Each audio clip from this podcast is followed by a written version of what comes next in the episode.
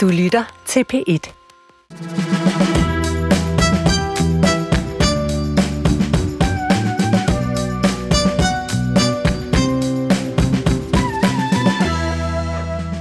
Ja, velkommen til uh, Svingdøren. Jeg kan vel starte med at sige, uh, Søren Pind, hvem er egentlig den største sådan politiske skurk, du har givet hånd til i, uh, i din karriere? Jeg tror, det må have været øh, en af ministerne i Mugabes regering Ja, nede i Zimbabwe, som repræsenterede Informationsministeriet. Og hvor jeg blev interviewet, og hvor det var meningen, at alt, hvad jeg sagde, det skulle så bruges om aftenen i nyhedsudsendelsen til at hylde den store leder og fører. ja. Og det er jo et interessant, interessant Interessant. Interessant. Det er faktisk meget interessant. også interessant. Mm. Øh, ståsted at have, hvor man skal agere ordentligt, samtidig med, at man skal gøre det over for nogen, som man er meget, meget uenig i. Og det er en af de ting, vi skal berøre i dag. Vi skal også tale ulve. Øh, og jeg kan spørge Annette Wilhelmsen og Per Stig Møller, vil I skyde en ulv? Nej, Jo, det vil jeg sådan set det vil jeg da gøre. Hvis den er på vej til at øh, gå ned i barnevognen og tage, tage barnet, så vil jeg skulle skyde ulven. Så bliver ulven skudt. Jamen altså, velkommen til Svingdøren her på P1 en lørdag formiddag i forhåbentlig godt selskab. Det her, hvor vi kigger tilbage på ugen med øh, politiske briller og, og vender nogle af de uh, historier, der har fyldt øh, en radiofonisk rejse, kan man sige, ind i det politiske backstage-land. Et rum, hvor at øh, nogle med stor politisk erfaring kan få lov til at fortælle historier og gøre sig andre øh, klogere. Hvordan skal det lykkes? Jo, det er tre øh, ekspolitikere, jeg har inviteret i studiet, så øh, forhåbningen er, at de kan tale lidt mere frit, øh, lidt mere ren mel ud af posen, om man så må sige, og, og vi alle sammen kan blive en lille smule klogere. Øh, dagens gæster i Svingdøren er Per Stig Møller, Annette Wilhelmsen og også Søren Pind. Velkommen til jer alle sammen. Jeg hedder øh, Tony Scott og glæder mig jo til sådan en lørdag med så meget ministererfaring samlet i et studie. Det er jo helt vanvittigt. Jeg tror, at at Finans og, og Statsministeriet var ikke repræsenteret, men ellers så kommer vi virkelig rundt Så skal det nok blive godt. i, i krogene her. Øh, Så jeg bliver da nysgerrig om, om, om sådan tre politiske kapaciteter øh, også bliver nervøse, når Putin pludselig taler om atomvåben, og om nogle af dem nogensinde har været så frække, at de er blevet smidt ud af Folketingssalen. Så det er nogle af de ting, vi skal vende i dagens udgave af Svingdøren.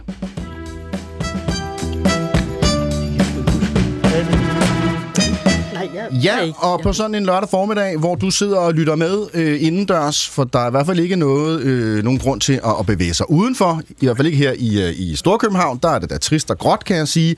Øh, så kan du lige så godt øh, lytte med og, og måske interagere med programmet, og, og det gør du direkte til øh, vores producer, Naja Bergendale, som altså tager imod Naja. Ja, altså I kan jo øh, simpelthen skrive ind til folk, og det er jo både politiske og, og i hvert fald også jeres chance til at stille vores panel nogle personlige spørgsmål. Vi for eksempel høre Søren Pind om, hvornår han sidst har brugt sin selvsyede ministeruniform, så skriv ind, I kan skrive ind på øh, Den var- 12 12. Nu, nu bliver vi nødt til lige at holde pause, for den, den var sandelig ikke selvsyet. Den er syet hos Seifert. Nå. Den er til gengæld skræddersyet, det er rigtigt. Skræddersyet. Jamen simpelthen fantastisk. Jamen øh, skriv ind på 1212, skriv på et mellemrum, og så din besked. Du kan også skrive ind på svingdørensnabelag.dr.dk, og det er døren med et O.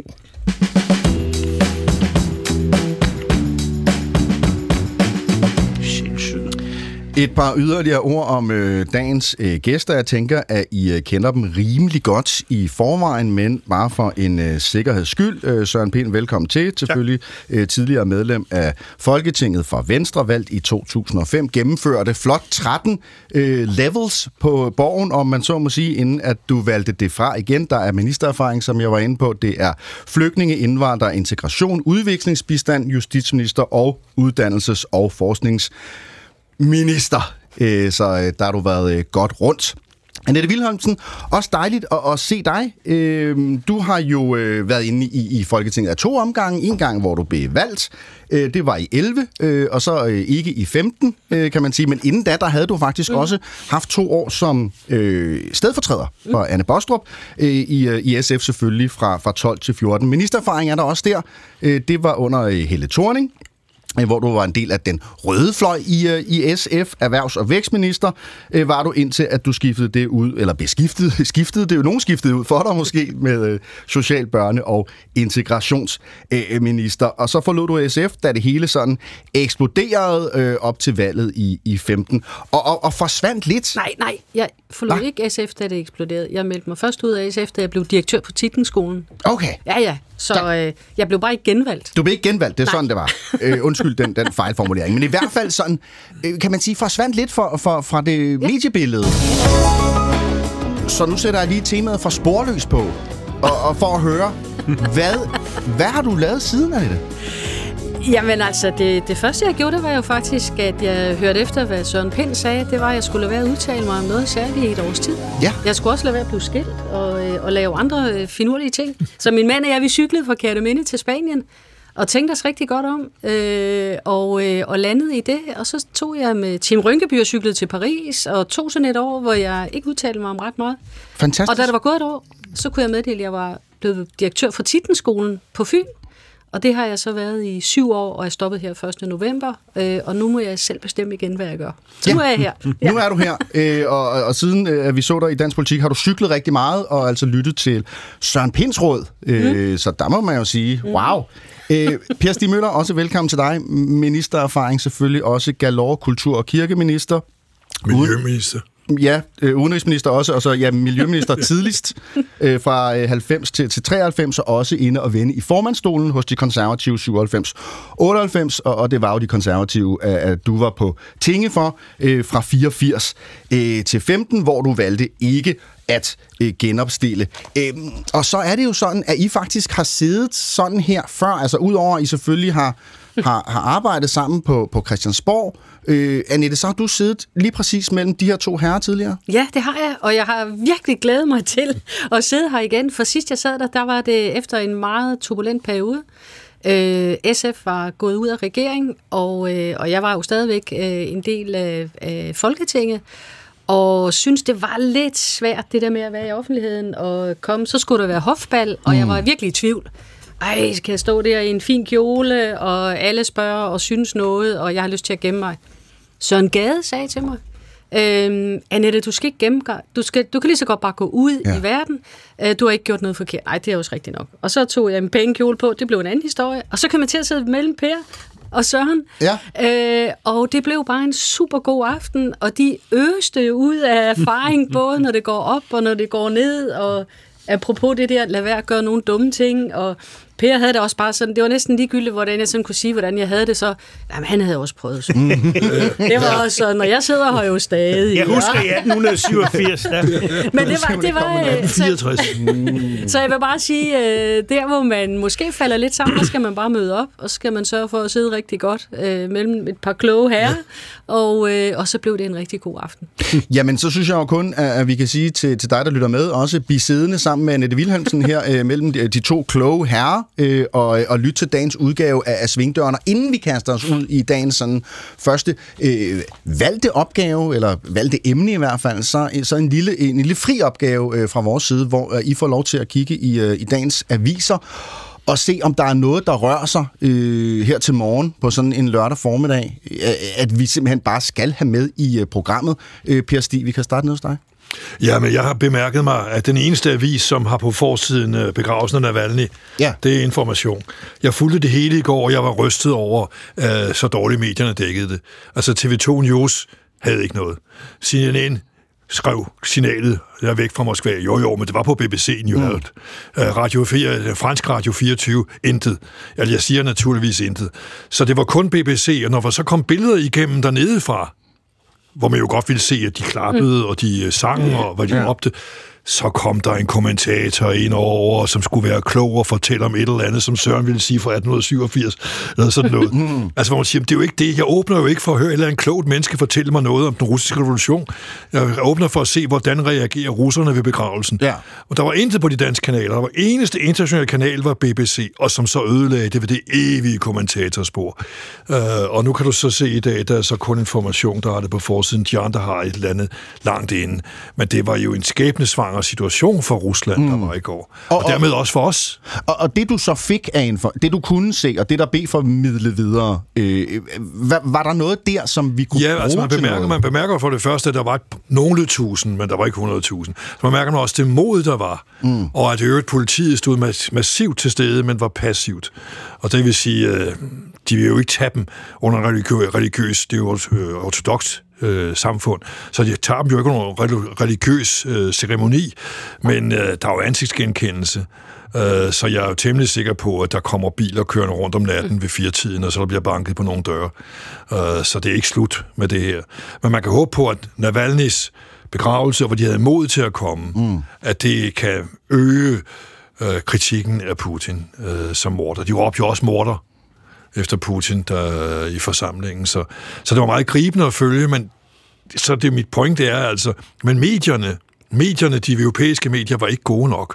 Altså, de fleste bragte jo slet ikke noget. Mm. Og den, der så endelig bragte noget, puttede hele tiden nogle kloge mennesker ind, men jeg åbner ikke for at høre kloge mennesker, jeg åbner for at se, hvad de laver på gaden i Moskva. Kloge mennesker åbner man øh, for at lytte til i, øh, i svingdøren øh, her øh, lørdag formiddag på, på P1. Men der er du også sikker på altid at have dem. Ja, Annette Wilhelmsen. Hvad har, du, øh, hvad har du bemærket i morgens aviser? Jamen altså først så bliver jeg jo lige nødt til at sige, at øh, der er, altså Fyns Stifttidende, som udgives af Jysfynske Medier, den er her jo ikke. Øh, så øh, så, så det, det var der bare en opfordring til. At, Den er øh, så populær, at ja. den går på rundtur inde i, øh, i newsroom, men nemlig. nå, nu vil jeg bare sige, at øh, jeg var, jeg var meget optaget af den, der ikke stod der, ligesom du gjorde, Per, og tak for det. Det var, kan jeg fuldstændig tilslutte mig, det du siger. Og noget af det, jeg tænkte meget på i toget herover, øh, også øh, i forhold til de overskrifter, der er, det er det oprør, der ulmer rundt omkring. Altså nu er det jo på den rigtig, rigtig høje klinge i, øh, i, øh, i Rusland nu, mm. øh, og man slår oprøret ned. Øhm, så har vi jo hele Israel-Palæstina-situationen, og oprøret bliver slået ned med hård magt. Hvad gør vi herhjemme? Og så var der så her, øh, og jeg har ikke læst hende, mm. men, øh, men øh, den franske forfatter, der hedder Virginie Despentes, tror jeg hun hedder, øh, er så på forsiden af politikken mm. øh, som punk-forfatter øh, forfatter og vrede og oprør og så videre. Ikke? Så tænker jeg, der er måske noget at forfølge der. Jeg har ikke læst det. Øh. Øh, så jeg, jeg tænker, et, altså hvis vi, hvis vi virkelig kærer os om vores demokrati og demokratier, så bliver vi også nødt til at kære os om oprør. Mm. Og, øh, og modet, og det er jo det, Navalny sagde jo også, jeg er ikke bange, øh, og at man bliver nødt til at sige tingene højt. Øh, og... Øh, i vores egen lille hjemlige debat, synes jeg også, at der kan være en tendens til, at vi slår bare oprøret ned. Altså, øh, så, øh, så, så vi skal rette ind, vi skal høre efter, vi skal være bange, vi skal frygte, øh, og så, øh, så skal vi bare rette ind. Og det, er ikke, at det ligger bare i mig, at så bliver jeg nødt til at gøre noget andet. Ja. Despang skriver som, øh, kan jeg sige, en vivlvind, øh, en tornado mm. af vrede, og om dem på, øh, på kanten af samfundet, mm. øh, Søren Pind. Øh, jeg ved ikke, hvor meget du kommer der, men, men hvad har du valgt fra, fra dagens aviser? Øh, det er forsiden af Jyllandsposten øh, omkring øh, måden, som Rusland bruger spionerne på i, i Vesten. Hvad er det for noget? Og, og her, her er historien, at øh, svenskerne har afdækket, at den russiske kirke i Sverige bliver anvendt til spionage, og at der er mistanke om, at det samme sker andre steder. Og det kan jeg bare sige, det behøver man ikke at gøre sig nogen illusioner om. Det gør de. Øh, og og det, er, det er egentlig ved hen, mm. øh, det er, vi skal ikke være naive. Øh, ja, der er også den der oprørssnak, men meget af det her splid, ballade, øh, mærkelige problemer, der dukker op, det er skabt af, af russisk efterretningsvæsen, og det skal vi bare være opmærksom på. Der er ikke nogen grund til at være naiv, mm. og det er vi for mange, der er. Og, øh, skal jeg forstå det sådan, at, at kirkesamfundene omkring de internationale kirker, det kunne også være dem, vi har i København, øh, Det er det, de siger. er en form for ekstra Ja. ambassade, hvis man skulle bruge et positivt ord, øh, spionage, øh, Højborg, hvis man skulle bruge negativt. Ja, det, du, du kan jo bruge de udtryk, du vil, men altså propagandacentraler eller øh, de deciderede spionagecentre, ikke? Altså, det er jo... De har jo fået udvist rigtig mange diplomater, det, det kan Per sige meget mere om end mig. Mm. Øh, det kunne du sikkert også, men altså essensen er, at, øh, at der er blevet udvist rigtig, rigtig mange diplomater fra, fra Europa øh, til Rusland, og derfor prøver de selvfølgelig at finde andre måder at agere på. Det var et øh, blik på øh, dagens aviser sådan en øh, lørdag formiddag.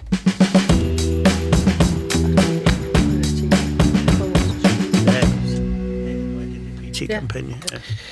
Vi starter med en, øh, en form for billedanalyse. Øh, vi får lige delt et lille øh, billede ud fra øh, de sociale øh, medier, og så kan øh, du, Søren, øh, jo øh, måske lige øh, beskrive, hvad det er, vi ser. Det er din gamle formand, øh, vores nuværende udenrigsminister, Lars Løkke, som er på øh, statsbesøg i, øh, i udlandet. Hvad er det, der foregår på billedet? Jamen, der sidder han jo og taler nok så venligt med sultanen Al-Jabbar. Mm. Og sidder og fører dansk diplomati ud i livet, som en række ministre gennem tiden har prøvet at se venlig og høflig og rund og imødekommende ud. Og, og med en tekst, der øh, omtaler... Ja, han lige skulle have pudset sin skole. ja, det er jo dyr nok jo. Øh, sin, sin gode ven, øh, Sultan Al-Jabbar, som teksten lyder, og ønsker også tillykke med et veloverstået øh, COP28. Sultan Al-Jabbar, han var, øh, var formand for, for det arrangement, der det fandt sted i slutningen af, af sidste år senest. Altså, og en tid, hvor at, at geopolitikken fylder så meget, og hvor relationer og alliancer er under pres, der kunne jeg godt tænke mig at tale om det her med, men netop det, altså venskaber på tværs, øh, alliancerne, relationerne, hvordan at de fungerer, og, og hvordan man lykkes med at skabe dem. Øh, øh der står min gode ven, Søren. Er, er, er de gode venner? Nej. Det er de ikke? Det tror jeg ikke, men, øh, men det er sådan noget, der gør sig, og de opfører sig selvfølgelig sådan, når de mødes. Mm. Man skal nu ikke udelukke, at der findes venskaber i de sammenhænge. Det gør der jo, men det, det tror jeg nu ikke lige præcis de to. Nej. Altså det her med at komme ud i verden og møde kollegaer øh, og andre politikere, det handler jo, som tænker alle mulige møder, øh, og meget om kemi. Øh, per Stig, hvordan kan man mærke, når man, når man møder øh, andre statsoverhoveder, om der er om der er god kemi? Jamen, det kan man jo mærke meget hurtigt. Mm. Altså, er der, er der ønske om åbenhed og eventuelt mm. samarbejde, så har man en anden tone, når man skal skælde ud og sige, øh, vi kan ikke have nogen forbindelse med jer. Altså, jeg talte jo anderledes med den iranske udenrigsminister, end jeg tæller for eksempel den amerikanske udenrigsminister. Ikke? Ja. Fordi øh, den iranske, det er klart, det er business, og det skal så ordnes. Der kommer konflikter, og dem taler man om. Mm. Og øh, den amerikanske, der kan man være meget mere åben, fordi, øh, i hvert fald i vores tid, fordi der var sådan nogle fælles mål, vi havde, og så kunne man også komme med den kritik, man måtte have, som var relevant i forhold til amerikansk politik og i forhold til den fælles politik og i vores egen politik. Så der er meget stor forskel. Jeg kan sige, at Muhammed-krisen kommer vi så rimelig pænt igennem på det diplomatiske udenrigspolitiske spor, og det var der i høj grad, fordi Danmark havde en meget høj profil i Mellemøsten på grund af køreplanen for fred, som vi fremsatte i 2002, som havde betydet, at jeg havde været rundt i både Israel og de arabiske mm. lande og haft en hav af møder, og de vidste, at Danmark har hjertet på rette sted. Danmark ønsker en tostadsløsning, og, og derfor kunne araberne jo godt se, at øh, der skulle ikke være det der ballade mod Danmark. Så de lagde den jo ned så hurtigt de kunne. Er det noget, der brændte ambassaden Jo, jo, jo, men det er klart, at de fulgte jo folkestemningen. Mm. Men når vi får den lagt så godt ned, som vi får den lagt til sidst, både i 6 og i 8, så skyldes det jo nok så høj grad, at øh, toppen faktisk ikke var interesseret. Når jeg talte med dem, så sagde de, det her går jo over, det her går jo over. Men de ville jo ikke selv vælge Der var ingen af dem, der elskede elskede Muhammed-tegningerne, mm. men de ville jo ikke væltes på grund af at, at, at forsvare os. Mm. Men, men for eksempel øh, Abu Mazen, altså Palæstinas præsident, da man erklærede, at man ville dræbe alle danskere på, øh, i Gaza, så gik han jo på fjernsynet og sagde, nu skal I lige huske, at Danmark er vores venner og har hjulpet os og hjulpet os og hjulpet os i Gaza, altså med penge og, og humanitær bistand. Så øh, der var ingen dansker, der kom til skade. Som den tyske udenrigsminister sagde til mig, det var søren til, vi også ligner jer, for de render også efter os. Mm-hmm. Okay. Øh, altså, nogle, som jeg tæller som vores venner, det er jo, øh, det er jo svenskerne for eksempel. Ikke? Og de er jo så i den her uge øh, kommet med i NATO, eller i hvert fald formelt blevet godkendt til at, at kunne komme med i NATO. Der var den sidste knast på vejen øh, inden øh, NATO-medlemskabet, og knasten var Viktor Orbán. Og for ligesom at få høvlet den knast væk, så måtte øh, Ulf Christensen, som er statsminister i, i Sverige, jo en tur til øh, Budapest og trykke hånd med Orbán. Øh, og han havde jo ikke bare gode argumenter med øh, for, at Sverige skulle med i NATO. Han havde også taget øh, kampfly med. With this agreement, Hungary will acquire four new Gripen fighter jets from Sweden. Ja, fire øh, Gripen øh, kampfly fra, fra Sverige. Øh, en, lille, en lille gave, kan man sige. Øh, måske bestikkelse, vil andre sige. Og ud over krigsmateriel, så skulle der også lige slikkes lidt røv. First of all, Thanks to Prime Minister Orban for this invitation to visit Hungary and the beautiful city of Budapest, the pearl of Donau. Ja, Budapest, Donaus perle, som øh, Christensen siger her. Der er Budapest, altså det kan vi jo ikke øh, være uenige i. En, en, en smuk by, øh, så absolut.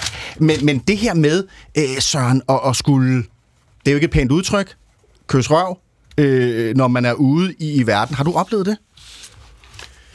Det, er, det, det, det, skal, det, skal, det, har man, det, skulle, det har man da skulle gøre masser af gange. Ja. Øh, jeg synes måske særlig i omgang med kineserne har det, har det, været, øh, har det været en forudsætning. Øh, jeg kan huske, jeg, jeg kom i gang for skade i diskussion med, med, med øh, Shanghais generalsekretær og, sige, og tale om, at jeg synes, at kinesisk politik var uigennemsigtigt, og man ikke kunne oplyse mig som dum vesterlænding om, hvad der foregik. Det blev han meget fornærmet over.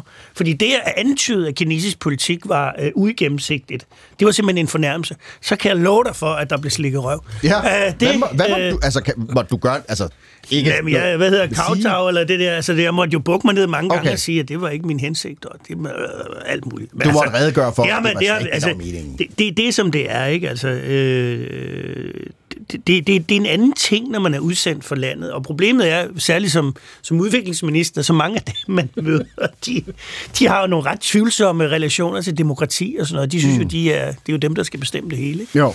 Og det her med relationer, det er jo vigtigt, og, og, og, og nu taler vi om, om Kina eller i Afrika og, og ude i verden, Mellemøsten og, og så videre, men bare her i Skandinavien, øh, Annette Wilhelmsen, der ved jeg, at det kan være udfordrende.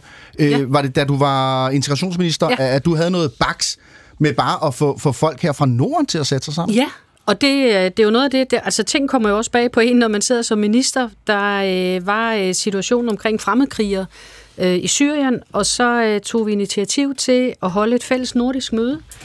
Og øh, det var ministerne på området, øh, der var inviteret, og så det der med at prøve at sige, hvad, hvad har vi en eller anden nordisk tilgang til det? Øh, hvad gør vi i forhold til øh, fremmedkrigere, og var helt tilbage at sige, hvad gjorde man under den spanske borgerkrig, og så videre, og så videre. Og så øh, synes vi selv, vi har lavet et godt program til det, og mm. inviteret, og så, øh, og så siger svenskerne, at de vil ikke komme, mm. hvis den norske minister på området kom, fordi den norske minister var valgt for Fremskridspartiet. Okay. Og så pludselig så sidder vi jo og tænker, at vi har en rigtig vigtig dagsorden her øh, for at stabilisere det fælles nordiske. Og så har vi nogle svenskere, som siger, at vi vil egentlig sådan set blande os i, hvem at, øh, den norske regering har udpeget som minister på deres område, og de vil ikke møde op, når der sad en fra Fremskridspartiet. øh, og, og det er jo en måde, hvor man... Det kom i hvert fald lidt bag på mig, at... Øh, at ja, altså hvis jeg skulle pege på folk, jeg skulle møde, som jeg ikke var enig med, eller som jeg tænkte, det er jo fuldstændig galt det der. Men, men man sidder jo og repræsenterer øh, landet og en fælles ambition her i forhold til fremmedkrigere, og så, og så bliver der sådan lidt en magtdemonstration, mm. at hvis de kommer, hvis de skal med til den her fest, så skal vi i hvert fald ikke med til. Og hvad, hvad skete der så? Jamen, øh, nu har jeg faktisk prøvet at lige grave lidt i det, øh, så, så det bliver, hvad jeg husker. Ja. der skete der. Der kom ikke nogen svensk minister. Nej. Øh, og øh, jeg tror, der kom en embedsmand, og, øh, og det gjorde jo, at det bliver, det bliver skævt. Mm. Og så synes jeg, at vi, øh, vi underkender vores egen øh, demokratiske måde at drive alliancer på og samarbejde på. Så må vi også kunne mødes med dem, som vi er politisk uenige med. Det er jo mm. ikke et ulovligt parti. Altså, det er jo der er jo staternes suverænitet i forhold til de regeringer, vi har. Øh, Så så det kan jeg bare huske, at det kom, øh, det kom bag på mig.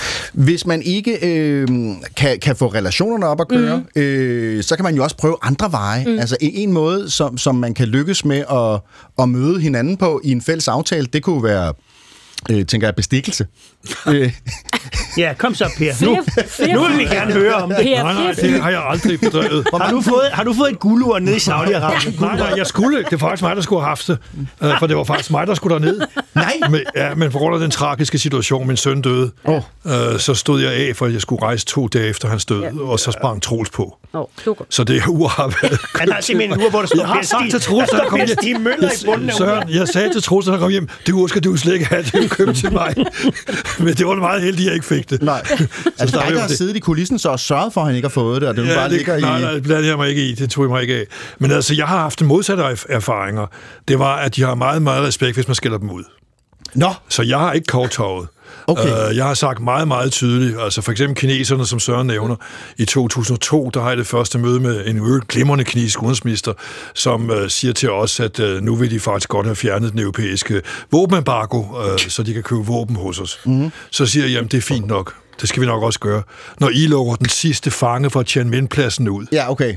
Altså, det var en meget klar besked, ikke? Uh, jeg har været ude for uh, mor med krisen igen, at uh, Tyrkiets præsident sagde, at vi skulle lave om på vores grundlov og genindføre censur. Der skældte jeg ham simpelthen ud. Det var godt. Men, Jeg skældte ham simpelthen ud. Jeg har aldrig skældt en præsident ud før. Uh, Iran, da de brændte ambassaden, jeg ringede uh, udenrigsministeren op, og han fik en ordentlig skideball over. Ja. at, uh, men Per, det, jeg tænker også, du er ret god til at skælde ud. det kan jeg godt. Ja. Det kan jeg godt. Men så er det altså også, så har man det meget, meget bedre senere. Der er en fuldstændig ren holdning, og de har respekt for en. Altså, du har det bedre. Ja, ja. Altså, jeg havde da mange sammenstød med den egyptiske udenrigsminister, som jo er en flink og meget begavet mand, og nu øh, generalsekretær for ligaen. Men øh, og det fik vi jo så overstået. Mm. Altså for eksempel ville han øh, have forbydet danske skibe at sejle igennem Suezkanalen. Mm-hmm. Og det fik jeg da reageret ved ved at ringe til... Handelen ligger jo under EU. Ja. Og så ringede jeg til handelskommissær Peter Mandelsen, meget dygtig englænder, og så sagde jeg det til ham, så sagde han, det sker nok over den. Så ringede han til udenrigsministeren og sagde, jeg hører, I vil lukke skibene til Dan, det danske skibe ud af Suezkanalen, så de kan komme igennem. Det kan I godt gøre, sagde han til øh, udenrigsministeren. Du skal bare huske at lukke for alle skibe Ja. fordi der er den der traktat. Ikke? Øh, og så senere, da vi havde brug for at bryde den islamistiske alliance i forbindelse med Durban 2-forhandlingerne, som gik ud på oprindelig antiracisme, men så efterhånden var også var blevet en kamp om ytringsfrihed, islamofobi osv., der ville de arabiske lande have indført, at det skulle være forbudt øh, at krænke profeten og Koranen, og islamofobi skulle også være forbudt. Så det var jo, der lagt op til, skulle vedtages, og der kørte vi så fra vores side, så det kan ikke nytte noget, vi ikke har et modforslag. Og vi stillede så forslaget, at alle mennesker skal have informationsfrihed og ytringsfrihed og trosfrihed. Og jeg havde møde med den egyptiske udenrigsminister, inden de støttede os. Mm. Og blev en meget, meget kraftig faktor i retning af, at vi fik vores politik igennem. De afrikanske muslimske lande var jeg nede at besøge. De kørte ind på vores spor. Den egyptiske udenrigsminister, og det skyldte jo, tror jeg, psykologisk, at vi havde haft de sammenstød, og blandt andet, at politikken havde bragt fuldstændig falsk interview med ham, hvor de kritiserede mig, som man også var ked af. Så, så der var nogle point i skabet, som der, der, var, der var en gæld, der skulle betales. Jeg vil ikke sige, det er derfor, vi fik Ægypten på vores side. Norge, Belgien og Ægypten og så selvfølgelig Danmark, Sverige og England. Vi fik faktisk rettet det op, så verden har en erklæring om, at alle mennesker skal have tros, informations- og ytringsfrihed, og der kom ikke igennem, at det er forbudt at kritisere profeten og Koranen. Jeg er også god til at, at skælde folk ud, Peter. Per. Jeg ved ikke, om jeg er så god som dig, men nogle gange, når jeg skælder folk ud, øh, og, og, og, og, og tror, jeg gør det, øh, fordi det er den rigtige ting at gøre, så går det senere op for mig, at det var det ikke. Øh, Er du kommet til at skille nogle statsledere ud, hvor Nej, du... det, var, det er jo ikke en tilfældig ophidselse, der kommer. Det er jo faktisk en rolle, man spiller. En, en, nej, men en planlagt ophidselse, og det er også det, jeg refer- Ja, ja, tænker er på. den, den kan jo også godt ramme skævt. Ja, hvor man bagefter mener- tænker, ah, der, der, der, det har jo været helt Nej. specielle, vanskelige situationer. Det her forlanger vi indfører censur, ikke? Der skal man altså som udenrigsminister ikke sige, min gode ven ønsker, at jeg skal lave censur. Så skal man sige, du kan rende og hønse. Og så skælde dem ud over, det her er jo ikke en kæft med demokrati at gøre. Øh, det går også igennem. Altså, øh, da jeg var på rundrejse under Muhammed-krisen i den arabiske verden, havde jeg jo pressemøder alle steder. Og i begyndelsen var jeg sådan tænkt, jeg får en masse tæsk. Jeg får en masse tæsk på disse pressemøder. Så startede jeg med at sige, at vi har jo demokrati, det vil sige, vi kan, regeringen kan ikke blande sig i, hvad tegninger der er i aviserne. Øh, det er jo ytringsfrihed, og øh, nu var det jo pressefolk, man sidder mm. med, og I går jo også ind for, for ytringsfrihed. Ja. Og det vil sige, der var jo taget fuldstændig kritikken af. Jeg var ikke udsat for, Danmark blev ikke udsat for kritik af pressefolk på de pressemøder. Så det er jo altså også noget med at kunne forklare sin sag, og så være klar. Være meget klar øh, i mailet, så er der respekt om det. Men det med bestikkelse, Søren, det ved jeg da, øh, som var det, vi egentlig kom fra. Ja, Søren har måske bedrevet det, men ja, ja, ja, ja, nu ja. havde han jo også en stor pengekasse. Jeg siger ikke, at, at Søren er blevet bestukket. Jeg siger, at Søren er blevet forsøgt bestukket. Nå, nej, det har jeg nu ikke været ude for. Har du ikke det? Ikke var så vidt jeg husker. Nej, Var det- det var jeg ikke en. Nej, det var episode? kun Troels. i, i, jeg har hørt en anekdote fra Somaliland. Nå, ej, det, det, var ikke, det var nu ikke bestikkelse, men det var nu en, ret, det var en morsomhed. Det var, det var Okay. fordi, jeg sad og talte med den etiopiske premierminister, som jeg havde forberedt mig på, var et forfærdelig, diktatorisk, øh, dumt svin. Ikke? Mm. Og så kommer man ind, og så, som Per Stig siger, øh, selvfølgelig citerende Hartling, så førte man en samtale på et højt intellektuelt niveau, øh, hvilket jeg var dybt rystet over, og han var virkelig, virkelig klog. Ja, det var han. Og meget, meget analytisk og morsom ja. og alt muligt. Jeg sad bare der og tænkte, det her, det bryder alle mine verdensbilleder. Mm, han, er, ja. han er jo ond, men han er jo ikke. Det er jo, det er jo helt fantastisk. Og så, lokke, så ville han lokke mig ud på en galej, som jeg, som jeg har grinet meget af, fordi jeg var den første europæiske minister i 29 år, der aflagde besøg i Somaliland. Og Somaliland har et meget stærkt ønske om selvstændighed. Du var der. Så jeg var der. Og der var simpelthen hundrede af tusinder af mennesker. Jeg kan godt love dig for PT, de svedt, fordi der stod folk med mm. Kalashnikov ja, og alt ja. muligt. Og de råbte og ude og skreg, og de ville have deres uafhængighed. Mm. Præcis. Og jeg gik der og tænkte, det skulle da egentlig meget smart. Altså, så ja. kunne vi slippe for alt det bøvl, men så havde vi faktisk, et, jeg ville gerne have nogle fængsler dernede. Så ja. kunne vi have sådan nogle fængsler i Somalia. Det ville de, de ville, for, for at få uafhængighed, ville de meget gerne give Danmark nogle fængsler. Ja. Det var slet ikke noget problem. Øhm, og der sad han så, Mielsen, ja, altså, vi kunne godt tænke os adgang til havet. Vi kunne jo bygge en havn i Somaliland øh, med sådan en direkte jernbaneforbindelse ind til Etiopien, og så ville der være mere verdenshandel, og mm. verden ville blive et bedre sted og sådan noget. Så sagde jeg, nå ja, men altså, øh, det, det er da en udmærket ting. Så siger han så, ja, han synes, Danmark skulle starte med og, og, og, gøre, og erklære, at man ønskede uafhængighed, altså anerkende mm. Somaliland som uafhængig, så skulle Etiopien nok følge op som nummer to. Så begyndte jeg alligevel at tænke, hmm, jeg tror ikke, der er ret mange andre europæiske lande, der vil blive glade i den sammenhæng. EU havde en fælles politik og sådan noget. Men han var snu, og morsom. Men Søren, jeg synes faktisk, du havde ret. Vi skulle anerkende ja, Somaliland. Gud skulle vi da have gjort Ja, det skulle vi da. Det gik jeg også ind for, men jeg kunne altså heller ikke få det igennem. Men Lykke var ikke begejstret. Europa, nej, Europa og EU ville ikke. Men, men altså, det var jo ikke rimeligt, at Somaliland bliver presset Hvorfor skulle ind. de ind i alt det andet? De har forhistorien er jo ja, ja. slet ikke sammen med de nej, andre. Nej, overhovedet ikke. Men, Nå, det var meget morsomt i hvert fald. Og jeg kan godt love jer, de, meget... der, de der folkemasser, der stod der, ja. det, var, det var vanvittigt. Jamen, jeg synes, det er flot, du var der. Ja, men PT, de, de svedt, kan jeg huske. Der er ros for øh, Per Stig. Øh, øh, Per, altså det her med relationerne øh, er jo vigtigt. Nu, nu sagde du før det her med, at, at det er måske også nemmere at skælde nogen ud, man har en relation til. Øh, øh, men nogle gange så kan relationer, og det at man kender nogen, og øh, måske har en god relation til dem i, i en positiv forstand, også være med til at, at løse konflikter.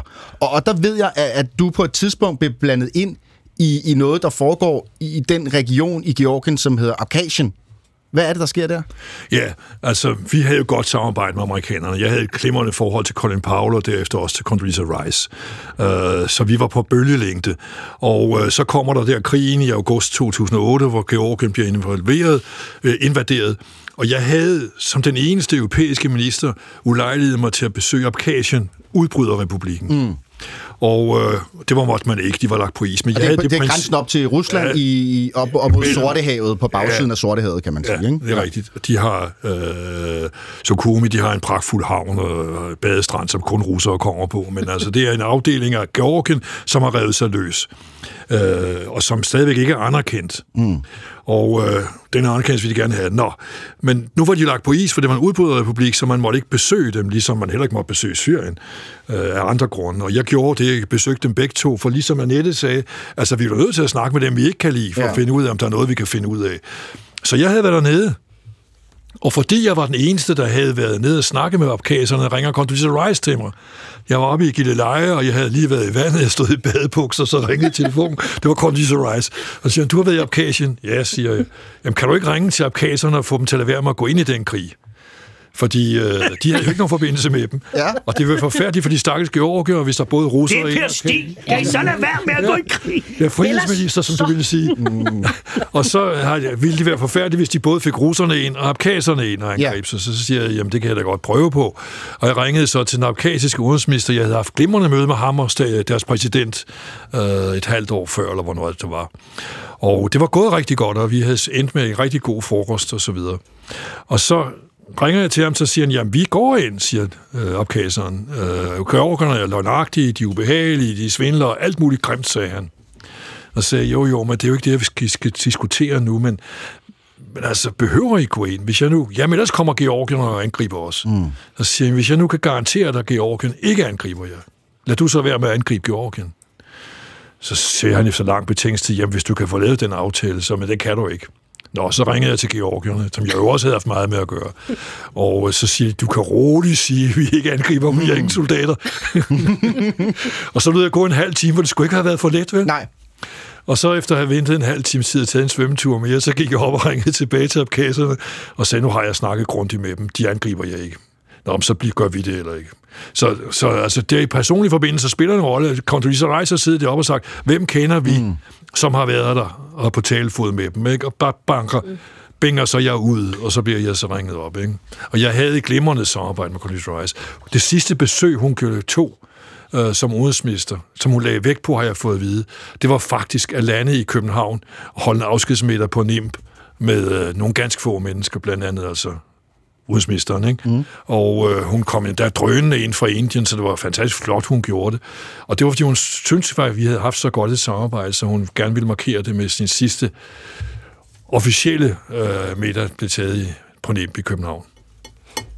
Egentlig bare, nu er det her jo i oplysningstjeneste. Jeg tror, at de her historier kan tjene til at, at fortælle en ting, det er, at relationer, det er altså ikke noget, man har.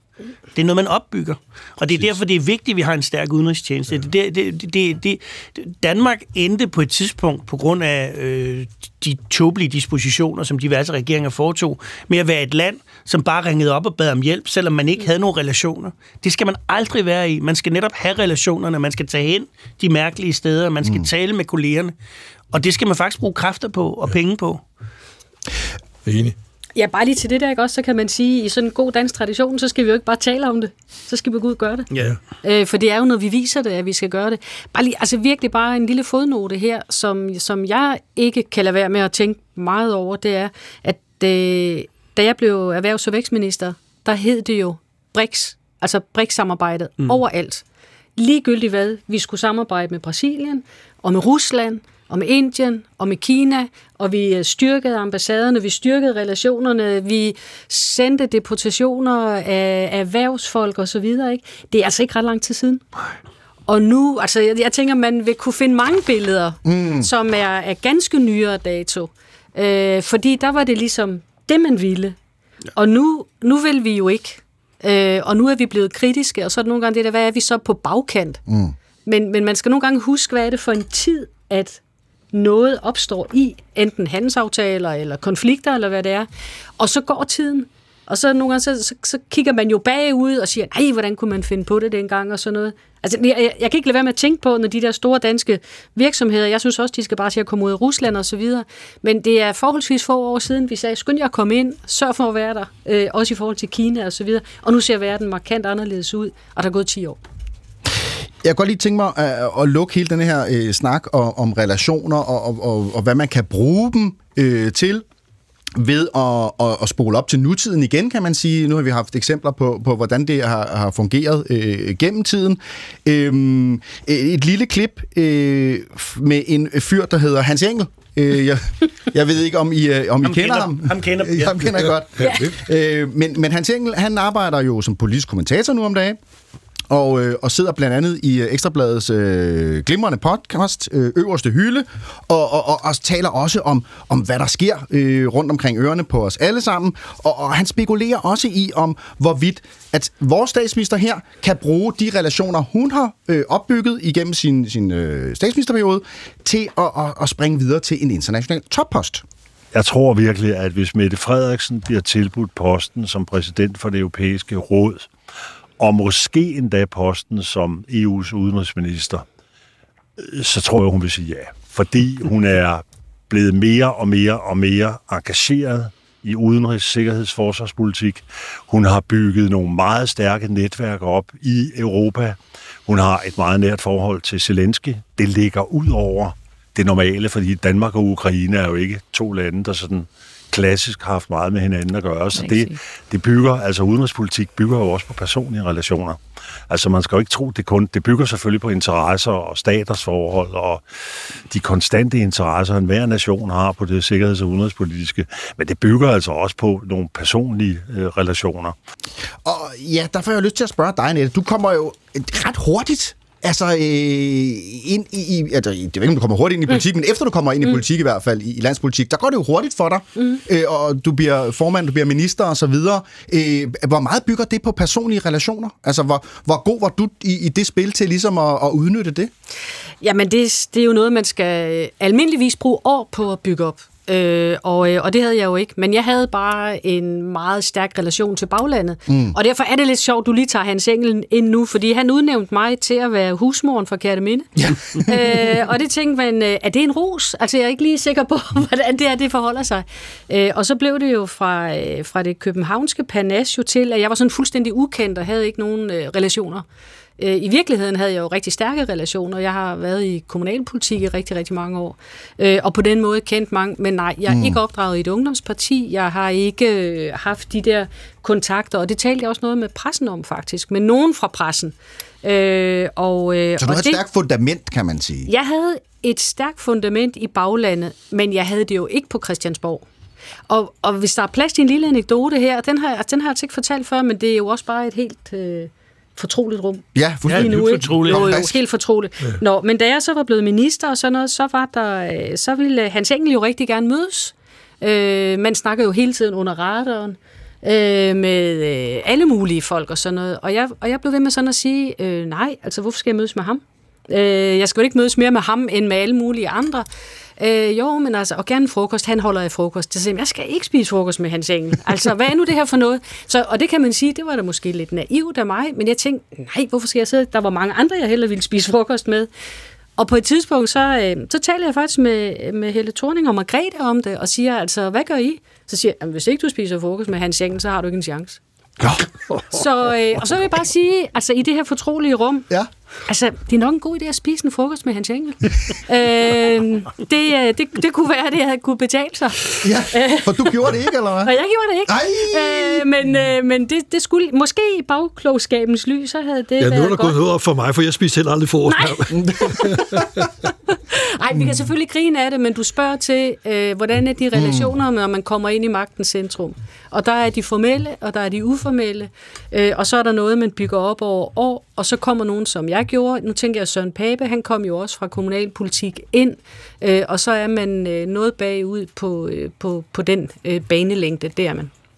Øh, Søren, øh, uden at, at du skal agere øh, politisk kommentator, så alligevel, øh, tror du så, at statsministeren har relationerne til at kunne række ud efter en præsidentpost i EU eller, eller lignende? Øh, jeg synes, hun har det rent formelle problem, at vi ikke er helt og fuldt med i den europæiske union. Og det kan man gøre mere eller mindre ud af. Øh, hvis hun har modstandere, så vil de, så vil de bruge det. Ja. Det er klart, at Socialdemokratiet ligger godt. Altså, der er ikke så mange top-socialdemokrater tilbage, og hun er, hun er kvinde. Øh, men det er von der Leyen også. Altså, mm. Det er den der balance der. Vi har jo altid travlt med at piske den sin hver tid statsminister, siddende statsminister op til at være på vej væk mm. og sådan noget. Mm, jeg ved det ikke. Måske. Måske. Jamen, altså... Ja, men altså, jeg er sikker på, at hun har relationerne mm. til det. Mm. Det tror jeg Altså, det tror jeg, hun ja. har. Og øh, hun er jo gået fra at være skeptisk EU-dame, øh, og øh, hvad har vi til lige pludselig at være brændende foran på udenrigspolitik, mm. og fylde penge i forsvaret, og sikre de internationale relationer, og USA først. Altså, øh, det, peger da i hvert fald i en retning. Jamen altså, således klogere, øh, og i hvert fald en, en livslektie, der er værd at tage med. Sig aldrig nej til en frokost øh, med Hans Engel.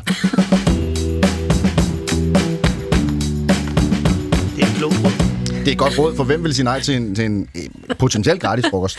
Øh, nej, på vores regning. Nå, på jeres regning. Ja, ja, ja, ja, det var, ja, ja, ja.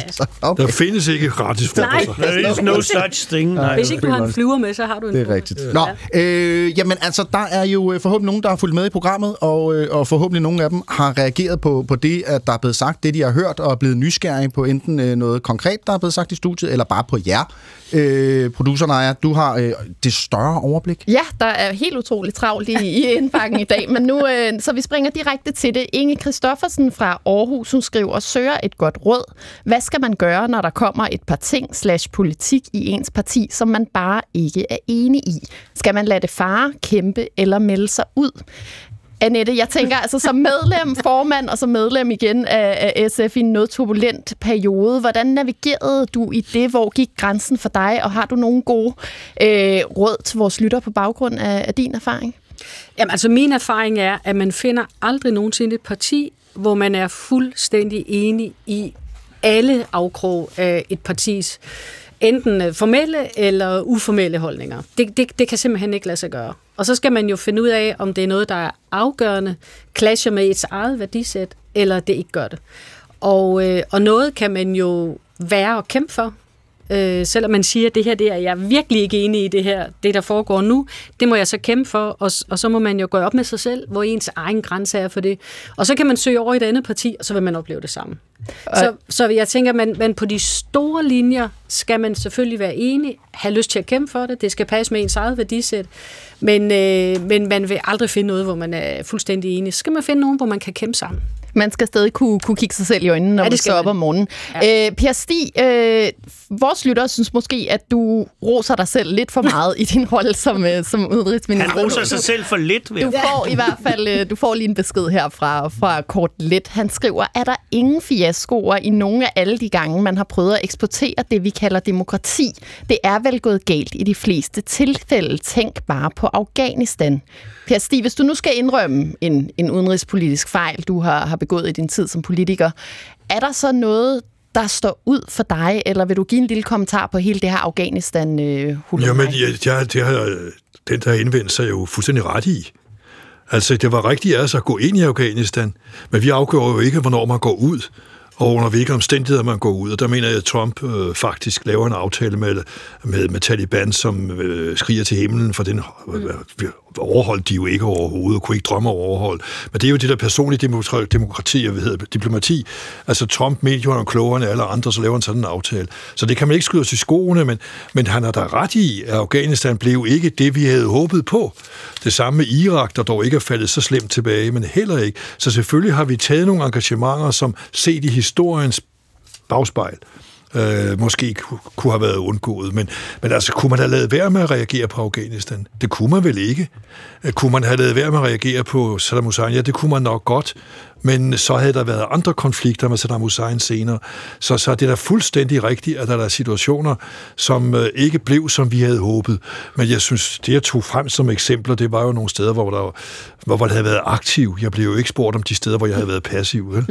men, per, men Per, så gjorde vi jo ingenting i Syrien, og det kom der jo også noget ud af. Mm. Altså, så man, og det var efter min tid. Ja, det ved jeg godt. Det var, det var ikke noget med dig. Og jeg synes bare, at de to eksempler står meget godt over for hinanden. Vi har set begge dele i vores Ja, det var fuldstændig ret. Altså, og så, og så afbryder Libyen, må jeg lige gøre, må jeg lige gøre det ja. færdigt, fordi Søren er inde på noget vigtigt der. Vi gør det også forkert i Libyen. Mm. Fordi da man bomber øh, inde i... Øh, så stopper det bare. Ja, altså man går længere, end man havde fået mandat til. Ja, ja. Og så sagde jeg dengang, at der får man ikke noget mandat senere. Så der er der lavet mange fejl. Øh, men på den anden side, Kosovo for eksempel, det var da rigtigt mm. nok. Mm. Og vi prøver også at lave en fredsaftale mellem Syrien og Israel. Det var jo også rigtigt at forsøge. Det, det mislykkedes også, og der er jo også noget, der ikke er lykkedes. Men vi prøvede, fordi så havde vi håbet på, og så kunne vi endelig få en to-statsløsning, når vi fik Syrien med. Det gik i vasken under forhandlingerne, men det var da rigtigt at forsøge det, men det lykkedes ikke. Der er i hvert fald masser af flere spørgsmål, men dem tager vi og samler op på i time 2. Indtil da, så kan du skrive ind til Svingdøren. Det gør du ved at skrive til 1212. Du skriver på et mellemrum, og så din besked. Medlemmerne af Folketinget har i øh, denne uge fået besked på at beherske sig de opfører sig som en flok teenager, de kan ikke sidde stille og lytte efter, og de skal absolut udtrykke deres uenighed fysisk. Der bliver rystet på hovedet, der bliver himlet med øjnene, og det har øh, formanden Søren Gade øh, simpelthen øh, skrevet hjem til, øh, til alle medlemmerne, øh, om at de skal altså øh, gebærde sig anderledes, når andre taler i Folketingssalen. Vi skal ikke have rekvisitter i Folketingssalen. Vi skal ikke have hatte, trøjer med politiske budskaber. Og vi skal sørge for, at det er det talte ord på talerstolen, der er i fokus. Og ikke, at der sidder en og vifter med ryster på hovedet, eller øh, kommer med mishags ytringer. Ja, i jeres tid, hvem har været den mest uopdragende sådan i, i, øh, i Folketingssalen? Ja, det var Preben Møller Hansen, ikke? Altså, det må man vel sige. Han, han er jo berømt. Men jeg kom, jeg kom sådan til at tænke på en munter historie. Øh, det, var, det var i sin tid Bjørn Elmqvist, der var på talerstolen, øh, og der havde man i Folketinget et medlem, der hed Knud Lind, som sad for Fremskridspartiet, og han blev omtalt som den talende grusbunke. Ja, og så bemærker øh, Elmqvist op fra talerstolen, Øh, jeg kan se, øh, undskyld, nej, jeg kan høre, at herr Knud Lind ryster på. jeg kan faktisk øh, lige, øh, hvis man tænker, øh, Preben Møller Hansen, hvordan var det, han lød? Øh, så har vi da selvfølgelig et, et klip her med øh, Sømandsbossen. Jo, det hedder Hermons Glistrup. Nå, Hermons Glistrup, nå. Jeg plejer sgu at sige mukke til ham, men det kan godt være, det er uden for normalen. Jeg ligger bande. Nå, ja, ja. Nå, ja, Nå, ja. ja, ja. Øh, Per, altså, en ting er selvfølgelig, øh, øh, at man laver optrin i salen. Noget andet er, hvordan vi, vi taler sammen. Og, og jeg tænker, i, i din tid som politiker øh, har sproget jo udviklet sig enormt. Vi taler fuldstændig anderledes. Når man hører gamle optagelser fra tv og radio, så, så er det jo, ja, det er som at rejse i tiden. Jo, det er jo det andet sprog, men det er det jo alle vejen. Det er det alle vejen. Altså, hvor- meget rådrum synes du, der skal være sådan et sted som Folketingssalen i forhold til, hvordan vi taler? Ja, man skal selvfølgelig tale ordentligt til hinanden. Altså, man skal respektere det demokratiet, man sidder og repræsenterer, og ikke en eller anden grusbunke, som, som det der. Altså, og så skal vi jo også selv respektere det nede i salen. Mm. Altså, nu for at komme med anekdoter, så havde man øh, ham der, øh, der har altid været på talerstolen for enhedslisten. Frank Aaen? Nej. Nej, nej, nej, altså. Søren? Søndergaard? Så Søndergaard. Nej, hvad hed han? Han var fra Aarhus. Nå, Kjeld han gik- Albrechtsen. Hvad siger du? Kjeld Albrechtsen. Ja, der var Ja, ja, ja. Nå, han stod og snakkede der for 117. gang. Ja. Og, øh, og trak tiden ud og snakkede og snakkede. Så rejste formanden sig. K.P. Andersen, tror jeg det var, sagde, man har altså ikke bopælspligt på talerstolen. Ja, okay. Så det kan også godt elegant. Der var også en gang, hvor vi sad, jeg sad ved siden af Knud Erik Kirkegaard, øh, glimrende øh, fyr, der var virkelig gode, skarpe replikker. Og så kommer rejser der er uro i folketingssalen, og så rejser formanden sig op og siger, at der er for meget støj i salen. Mm. Så siger jeg Kirkegaard, støjen kommer fra talerstolen. Annette, da du øh, først kom ind øh, i, i Folketinget øh, som stedfortræder der i, for, for Anne Bostrup, øh, så var der noget særligt ved tonen, der alligevel slog dig? Ja, det, det undrede mig. Det er jo altså faktisk øh, rigets højeste talerstol, at man overhovedet kan være på. Så jeg, jeg tænkte sådan, det er sådan lidt, jeg havde i hvert fald sådan noget ærefrygt der, jeg tror. Mm. Øh, og så, øh, da jeg så har været der lidt, så, øh, så er der en debat i Folketingssalen, og der er Morten Messers- han går på talerstolen. Og det der, øh, det, der, det, der kom sådan fuldstændig bag på mig, det var hans ordvalg. Øh, og, og det var hans måde at tale om tingene på. Mm-hmm. Og, øh, og han nævner blandt andet, det var selvfølgelig noget i forhold til flygtninge-indvandrerdebatten, og så, og så siger han noget om, og nu kan jeg jo ikke lige huske det ordret vel, men han siger, han bruger ordene, at, øh, at man jo ved, at, øh, at de avler. Mm. Og så bliver jeg sådan helt, jeg sagde, det sagde han ikke. Det sagde han simpelthen ikke. Det gør mennesker ikke. Øh, og jeg var så noget rystet over det, og så gik jeg op til sekretæren, der sidder der, og så siger jeg, undskyld, altså, det der lige bliver sagt der fra talerstolen, kan, det, det synes jeg er uhørt. Ja. Og så sagde vedkommende, er det noget, du vil klage over? Mm. Øh, det ved jeg jo ikke. Altså, jeg ved heller ikke, hvordan man klager over sådan noget, men, men det kan da virkelig ryste mig, at man må sige sådan om andre mennesker på en talerstol. Og så rystede sekretæren på hovedet og sagde, du drømmer ikke om, hvad der bliver sagt.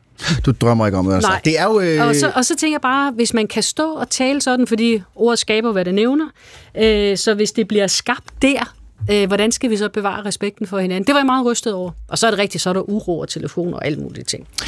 og, og det er jo øh, formanden, øh, Per, også, som, som du var inde på lidt, der, der lidt også er dirigenten i det her cirkus, mm. øh, og, og også kan gå ind og, og korrigere, hvis ja. der er noget i tonen, eller faktisk ord, mm. øh, som ikke er passende. Øh, her er et eksempel, hvor uh, Pia Kærsgaard er, er formand, og, og Pelle Dragsted er på, Præcis. På talerstolen. Det kan godt være, at jeg skulle have været blevet tykhudet, efterhånden, men jeg bliver stadigvæk chokeret over den form for racistisk udtalelse, hvor man lægger et helt befolkningsgruppe Det for had. have mig frabedt. Altså, Und- det beskylder vi ikke hinanden for. Vi har en ordentlig tone. Tak. Værsgo. Altså, hvis man siger, at en hel befolkningsgruppe ikke kan integreres, så vil jeg forbeholde mig ret til at kalde det et racistisk udsagn. Det er at tillægge en Og befolkningsgruppe man samlet. diskuterer ikke med formanden overhovedet. Jeg vil godt bede om, at det bliver taget til efterretning. Tak. Det er taget til efterretning. Man diskuterer ikke med formanden, Per. Øh, det, er jo, det er jo en rimelig magtfuld position også at være formand i Jamen, jeg Folketinget. synes, det er fuldstændig rigtigt, at Pia Kjærsgaard, altså, at hun markerer, at nu har hun så sagt det, mm. Ja. står ved det, og hvis ikke folketingsmedlemmet respekterer det, så kan vedkommende jo så klage Så kan de til lave en Annette Så og klage, ja. og så bliver det taget op i præsidiet. Men, men jeg synes, man skal respektere formanden, mm. øh, og det gør man jo altså også.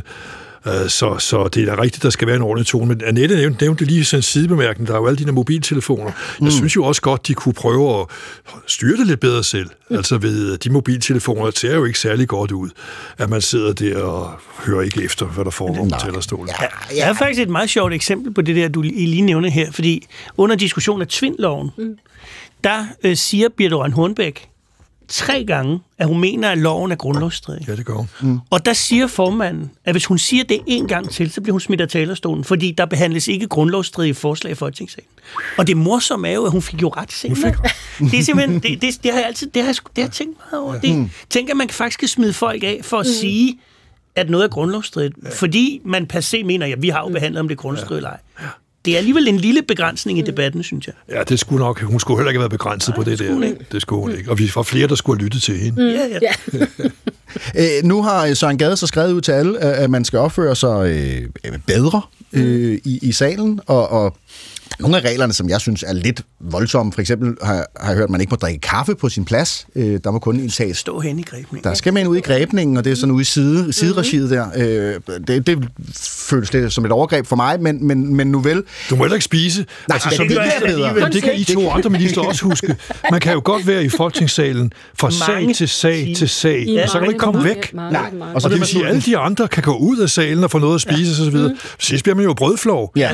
Så Og kan så man kan få man en godt- sandwich så kan man godt og så går hissig.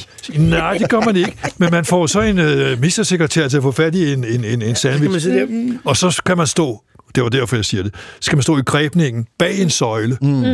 Jeg har været ude for at stå der og Spise spise, og så rejser Svend Auken, der sad på formandstolen, så siger, jeg siger, vi har afbryder mødet, ministeren er ikke til stede. Det er han. Men han var altså også... Han var så fræk. Jamen, så sprang jeg frem Ja. og vinkede op. Jeg ser, at ministeren er til stede. Vi fortsætter. Ja. Men Svend, han var simpelthen så fræk. Han generede unge folketingsmedlemmer. Dem om, han, han brugte bevidst deres forkerte navn for at se, hvordan de reagerede. Det var, Rigtigt. Ja, han var simpelthen fræk som en slagter. Ja. Øh, der er flere, der spekulerer i, at, at, at den her sådan, i rettesættelse til alle øh, jo handler om få, øh, mm. og, og at en af dem er statsministeren. Altså, Ekstrabladet skriver torsdag den her uge, øh, øh, klager over Mette Frederiksen. Hun opfører sig respektløst, Mette Frederiksen, og flere andre minister opfører sig respektløst, mener politikere, der har klaget til Folketingets formand. Se optagelser, bla bla bla, inde på Ekstrabladet. Jeg har også nogle klip, et par eksempler, øh, hvor øh, statsministeren øh, bryder retningslinjerne, eller hvad man vil sige. Først øh, afbryder hun Rasmus Jarlov, mens han er på talerstolen. Undskyld, statsminister. Noget med Mia Wagner. Undskyld. Det er herre Rasmus Jarlov, der har ordet på talerstolen nu. Værsgo. Statsminister må meget gerne gå op og tage ordet også, men ellers vil jeg sætte pris på ikke at blive af. Stor del af Folketinget vil gerne diskutere det her. Ja, og et andet eksempel, det er øh, Søren Søndergaard, der øh, fra talerstolen øh, bliver spurgt om, hvorvidt Rusland er en, en trussel, ja. og, og det siger han, det er de ikke. Mener enhedslisten, at Rusland er en trussel mod Europa lige nu? Hvorfor? Generelt er svaret nej. Ja, og der råber øh, statsministeren altså, what? Og nærmest kaster sine briller øh, fra sig. Vi har 30 sekunder til, øh, til radiovis, og, så spørgsmålet er lukket. Er statsministeren værre end andre? Nej. Nej, Vil ikke være, men men er vel også et følelsesmenneske. eller også et følelsesmenneske. Ja. Jamen, vi lader den ligge der. Annette Wilhelmsen og Per Stig Møller og Søren Pind er klar til at give dig endnu en times radio her på P1 i øh, Svingdøren hvor vi blandt andet skal en tur ud og skyde ulve, men altså først en radiovis.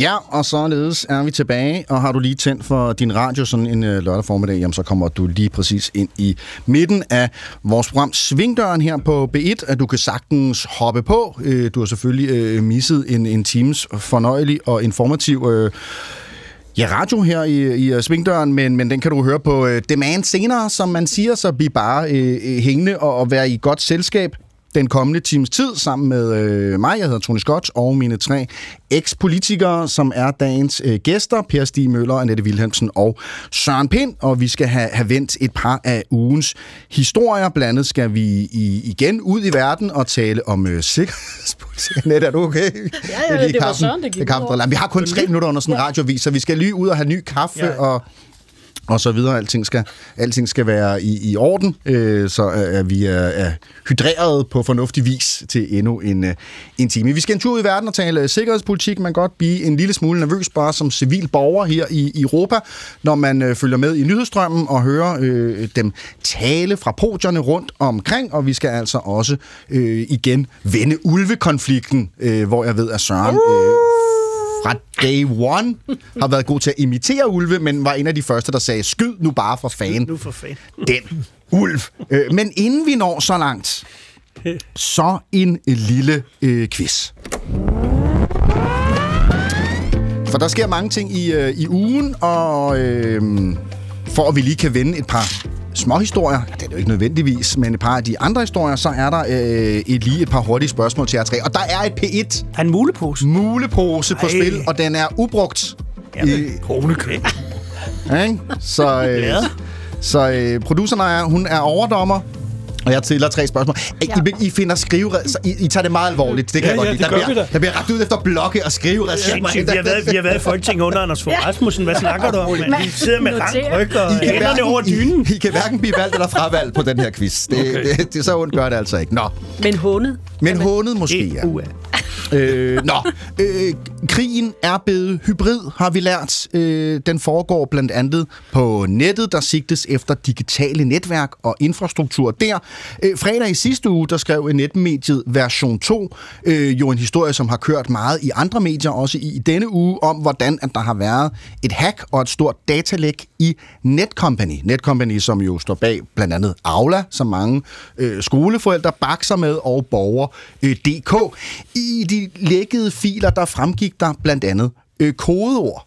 Og her er vi altså ude i et firma, som jo arbejder med sikkerhed på nettet, og, og derfor så var der også en vis stussen over nogle af disse øh, kodeord, fordi at de var Ja, det er jo nogle af dem, vi havde lært, vi ikke skulle bruge i hvert fald. Så, så, så hvad var det sådan det mest oplagte kodeord af Netcompany? Altså øh, på et tidspunkt havde, jeg skal sige, det var ikke til aktive systemer, det var til et ældre kodeord, men, men stadigvæk. Hvad var det, de havde brugt? Netcompany 1, 2, 3. Netcompany 1, 2, 3 er fuldstændig rigtigt. Æ, og, og nu må jeg kigge rundt på jer tre og sige, hvor mange her har... Jeg har altid brugt Per Stig er den bedste. 1, 2, 3. Den bruger Per også. Per, per, har du 1, 2, 3 kombinationer i din, i dine kodeord? Nej. Nej. Nej. Nej? Nej. Søren? Nej, nej. Yes. Nej, nej, nej, nej. Nej. Ah. Jeg har haft en gang. Ja, okay. Nu arbejder jeg, nu er jeg trods alt arbejdende bestyrelsesformand for et cybersikkerhedsfirma. Og det er derfor, jeg bliver nervøs ved, at du tøver mest. nej, nej, ja. Tænk Må jeg ikke sige sådan noget, når jeg har øh, procenttegn XOC lille h. Snabelag. Ja, derudaf. Nå, øh, et point til, øh, til Pind derovre. Hos Beredskabsforbundet, vil jeg sige, hvis jeg kunne tale, der oplever man en øh, særlig stor efterspørgsel for folk, der gerne vil være med. I deres kurser, de kan blive klædt på til at kunne håndtere alle mulige former for kriser. Særligt kurset, klar dig selv i tre døgn. Du skal ikke grine, Søren. Nej, det ved jeg godt. Er gået fra at have, det er jo ret alvorligt faktisk, Ja, ja. det er gået fra at have 271 kursister i 2022 til 2.162 kursister i, i 2023, og guderne må vide, hvor mange, der gerne vil klare sig selv i tre døgn i, i indeværende år. Hvor mange liter vand anbefaler Beredskabsforbundet, at man skal have for at klare sig i tre døgn? 30 liter. 30 liter? Så, så et, et 10 liter om dagen? Det er dit bud, Per? Ja, for det er jo mere end en, ikke? Øh, Det er per næse. Nå, per næse. Nej, 8 liter, tror jeg. Ja. tror jeg. 8 liter? Så er det 8 liter, ja. Så er det 8 liter. Andre bud? Altså, er Det det, er en liter per anbefaling. dag? Eller Det er liter per dag. Eller døgn. Det ved jeg sgu ikke. 20. 20. 20. Wow. Du skal ikke Du skal bare sidde nede i atombomberen Man skal også vaske og og bare noget. hælde, hælde vand i ansigtet. Ah, du kan da godt lade mig at vaske dig i tre dage. Måske er det bare 3. Øh, 3-5 liter øh, per døgn mm. er øh, svaret ifølge øh, beredskabet, øh, hvor du altså kan tage et kursus, hvis der er plads. Øh, man kunne forestille sig, at der var rift om Og billetterne. jeg er tidligere chef for den københavnske beredskab. Det går godt her. Men det er jo godt at være sikret. Så har du lidt ekstra vand til, til når jeg kommer forbi, Søren, mm. og, og skal låne til en kop Altså, i kaffe. min kælder står der 30 liter. Gør der det? Har du, har du preppet, Per? Nej. Det, det er så ufrivilligt, at det ikke står nogen der. kælder. Ja. Nå, okay. Det er et fantasiprodukt. Du laver fis. Jeg tager Ja. ja. fis med, ja. Hvad med dig, Annette? Har du forberedt dig en lille smule med ekstra havregryn og pasta og dåsemad? Nej, men jeg er stadigvæk jo det, og det har Hans Engel jo også bemærket, sådan en gammel husmor. Ja. Så jeg har altid lidt ekstra, men det er nu ikke for at være prepper. Det er, det er bare fordi, jeg synes, det er en god idé at, at Ja, ja, ja. ja. Lidt, lidt på hylderne. Og hvis der kommer gæster, så kan man jo altid dække op til fem mere. Jeg kan sige, at... Jeg har altid, vand, jeg har altid vand, ekstra vand, ja. som jeg tapper fra hanen. Men det er, fordi vi meget tit har vandafbrydelser, så det er meget klogt at have nogle øh, liter vand stående. Ja, hvor bor du? i Nordsjælland? Hvor, hvad, Jamen, jeg bor jo ude på landet. Der er nogen, der, ja. altid nogen, der graver, og så graver de selvfølgelig også vandledningerne op. Hvad fanden har de gang i, altså? Nå, jeg Der er simpelthen sige, nogen, der generer Per med vilje, hvis de graver hans vandledning over helt. ja, så, kan, så er det først, at vandtrykket De kan bliver også dårligt. øde vandledningerne, mens man sidder og skriver på Ja, det computer, er og så siger det pling, og så er der ikke nogen forbindelse. Hans Engel, øh, som du nævnte, Annette Wilhelmsen, faktisk øh, lidt en prepper. Han har forberedt sig en lille smule, øh, har jeg hørt. I, I denne her uge, der faldt der dom. Det er sidste spørgsmål, så det er virkelig chancen nu for Hey, at... ja, og fik jeg ikke en lille smule point for det, Det er der? ikke mig, der er dommer. Jo, Annette, du fik pointet i ja, spørgsmålet. Det tænkte jeg også Ja, ja, lige. en lille smule- du fik nu en er ikke, lille fordi smule jeg går point. op i det, vel? Jeg er ikke Nej, nej, nej. Og du skal hjem med den pose, vi Ja. nok. I denne uge, der faldt der dom i sagen om greenwashing mod slagterigiganten Danish Crown. Dommen øh, lød på, at det var vidledende markedsføring, da de, altså Danish Crown i 2020, solgte grisekød øh, med et særligt slogan, som altså var øh, lidt for grønt, øh, åbenbart. Kan I, kan I det, eller skal I have muligheder? Ja, med muligheder bliver det jo næsten fornemt. Ja, men ikke miljøkontrolleret. Klima, Klima. klimakontrolleret. Ja. Klimagrise, altså mulighederne, vi havde skrevet ned, var klimakontrolleret gris eller øh, glad grisling, mm. grøn verden. Mm. Og der går du, Per, med klimakontrolleret gris, kan jeg høre. Men altså, jeg, Glad grisling. Så vi Jamen, en prøv point noget- Det kunne simpelthen være et venstre slogan. men, men noget, af det, der, noget af det, der faktisk er ret sjovt, altså igen med sproget, det er, altså jeg er oprindeligt uddannet på kontor på Svendborg Andel Svineslagteri. Mm. Det var dengang, at svin hed svin. Ja, nu vil ingen ikke. kalde det svin mere. Jamen, jeg forstår det ikke Nu hedder det grise. Ja, og, jeg, og jeg hørte i sidste uge i radioen, en, der havde forstand på det, og en forsker, og så når hun var kaldt ind, så talte hun om en hangris. Mm. Altså, jeg var simpelthen ved at falde ud. Ja, så tænkte jeg, nu må det simpelthen stoppe vi det jo her. det er jo en sådan lidt. Det infantil. Det hedder en orne, øh, og det er svin. I, i vores dage er går søde. svinene på to ben, det er forskellen. Ja, okay, det kan godt være. Men jeg synes Jamen, bare, det er virkelig mærkeligt. dumt. Ja, Ja. det, det, Men det er fordi virkelig grise er sødere. Ja, det er simpelthen fra et, et salgsperspektiv, så lyder det mere appetitligt at få gris, end øh, det Svin. gør at få svin. Øh, og Ja. derfor så Jeg kan kan man også godt lide svinekød, det bliver Ja. jeg nødt til at sige. Ja. fra øh, En øh, griseflæskesteg, det kan man da ikke spise. Nej. Altså, producenternes side, altså godt, simpelthen at bare tænke, at der ville man kunne sælge mere, øh, hvis det var Bønderne, gris. de bærer end- dig nu i, du bliver jo i guldstol blandt ja, Hvis men det var jeg er svin. jo fra landet. Nå, vi snakker bare, kan jeg mærke. Og slagteriet. så, øh, du, Annette, slagter så du mens også øh, at der ikke hyggestarten det foregår jeg over i øh, panelet, jeg kan jo lige skrue en lille ned, så kan du måske komme med en afgørelse på quizzen. Jamen altså, øh, det var jo et point til hver, men jeg synes næsten, at, øh, at Annette skal have lov til at have den, sådan, som øh, hendes øjne lyste op, da vi, da vi viste nettet. Er der protester? Jeg er enig, jeg er Der er klar. ikke protester. Tillykke, Annette. Åh, Har tusind du tak. stadig slukket for vores mikrofoner? Nej. Er vi åbnet igen? Ja, åbne igen, ja. Men jeg ved godt, folk Tusind bliver sure, tak. når vi snakker hen over hinanden. Ja, det gør de nemlig. Ja, det skriver de altid på nettet. Er det rigtigt? Undskyld publikum. Det er Undskyld, rigtigt. Lytter. det blev bare optaget. Nej, jeg, ja, okay. De gør det ikke af ond vilje, kan jeg så sige. De gør det ud af, øh, er be- hjertens godhed. af begejstring. Øhm, så jeg da lige... Øh, Nå, der slog vi da rigtig ud af den, Nej, men jeg, der er der forsvundet en side fra mit manuskript. Og så bliver jeg da helt forvirret. Det ved du da om nogen, Søren. Jamen, det jeg kan jo ikke. Ellers så kan Bestig fortælle en historie fra de varme. Jeg skal have mine støttehjul.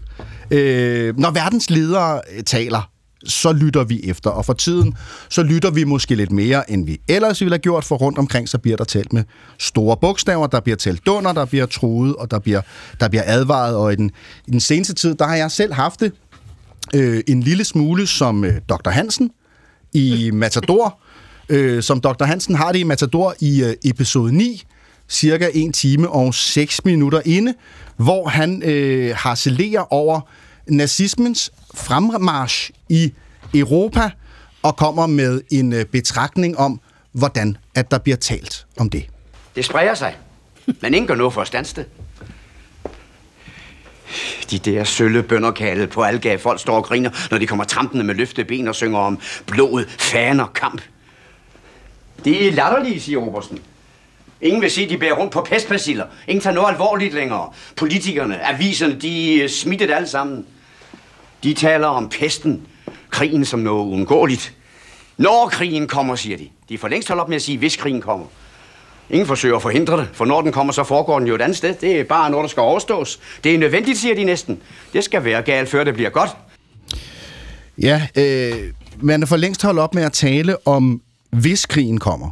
Og man taler om, når krigen kommer, øh, siger øh, Dr. Hansen, i, blandt andet i det her citat, udover han taler selvfølgelig om, om nazismen, og om, at, at krigen vil foregå et andet sted øh, i det tilfælde. Men det der sådan, øh, fra hvis til når, øh, Dr. Hansen citat, det begyndte at, at spøge i mit hoved her i, i løbet af ugen, og sådan, som sådan en nagende følelse af, at, at retorikken har ændret sig, Søren Pind. Kan du genkende der, hvor jeg kommer fra? Ja, altså øh, senest jo Macron, der begynder at snakke om, at der skal specialstyrker til Ukraine og sådan noget, for ligesom at udfordre øh, Putin. Og, og vi er et andet sted, men, men, men, men sagen er jo bare den, at vi har været i gang i lang tid. Nu nævnte, nu nævnte Per øh, øh, konflikten i Georgien, som på mange måder jo startede det her. Syrien, hvor vi jo bare kiggede, og hvor, mm. øh, lidt som Dr. Hansen siger, begavede mennesker i Danmark stod og sagde, det kom ikke også ved, det havde ikke noget med os at gøre. Jeg kan hilse at sige, at jeg var justitsminister, da de vadede ud over øh, motorvejen og ind over grænsen. Mm. Det havde i høj grad med noget også at gøre, men vi gjorde ingenting. Øh, og jeg, jeg bliver, vi ja. gjorde ingenting og, og, og, og så kommer så kommer Krim i 14, øh, hvor vi heller ikke gjorde noget. Øh, amerikanerne ville gå længere, end vi ville på sanktioner, men vi, uh, nej, vi skulle sandelig have mere tilbage i bøssen. Og så kommer så, hvad skal man sige, det der gennembrud, mm. hvor han jo simpelthen går ind i Ukraine, og hvor Europa på en eller anden måde vågner. Øh, og den opvågning er vi i gang med, og det er dyb alvor. Det er i virkeligheden... Øh, Altså ligesom vi selv har været igennem nogle historiske slagsmål for at få demokrati i det her land, så er det her anden omgang af 1989. Det er jo det, der er på vej. Og selvfølgelig har de reaktionære diktaturer slået tilbage, og nu bliver vi nødt til at stå op, og der bliver nødt til at blive trukket en grænse. Men så du tegner bliver... et, et billede, der, der, der starter i, i Syrien, og, og hvis jeg husker rigtigt, så starter konflikten der i 2010. 10. Øhm, Hvordan kan det være, at det har taget os 14 år at blive klogere? Fordi vi nægt... For, det kan jeg godt fortælle dig, fordi det ubehag, du føler ved det der... Nu, øh, du og jeg, vi er jo børn af 70'erne. Mm. Vi kan huske den der, vi voksne kan også være bange. Vi kan, det, det, der var det fantastiske ved 89, var jo, at vi slap for angsten.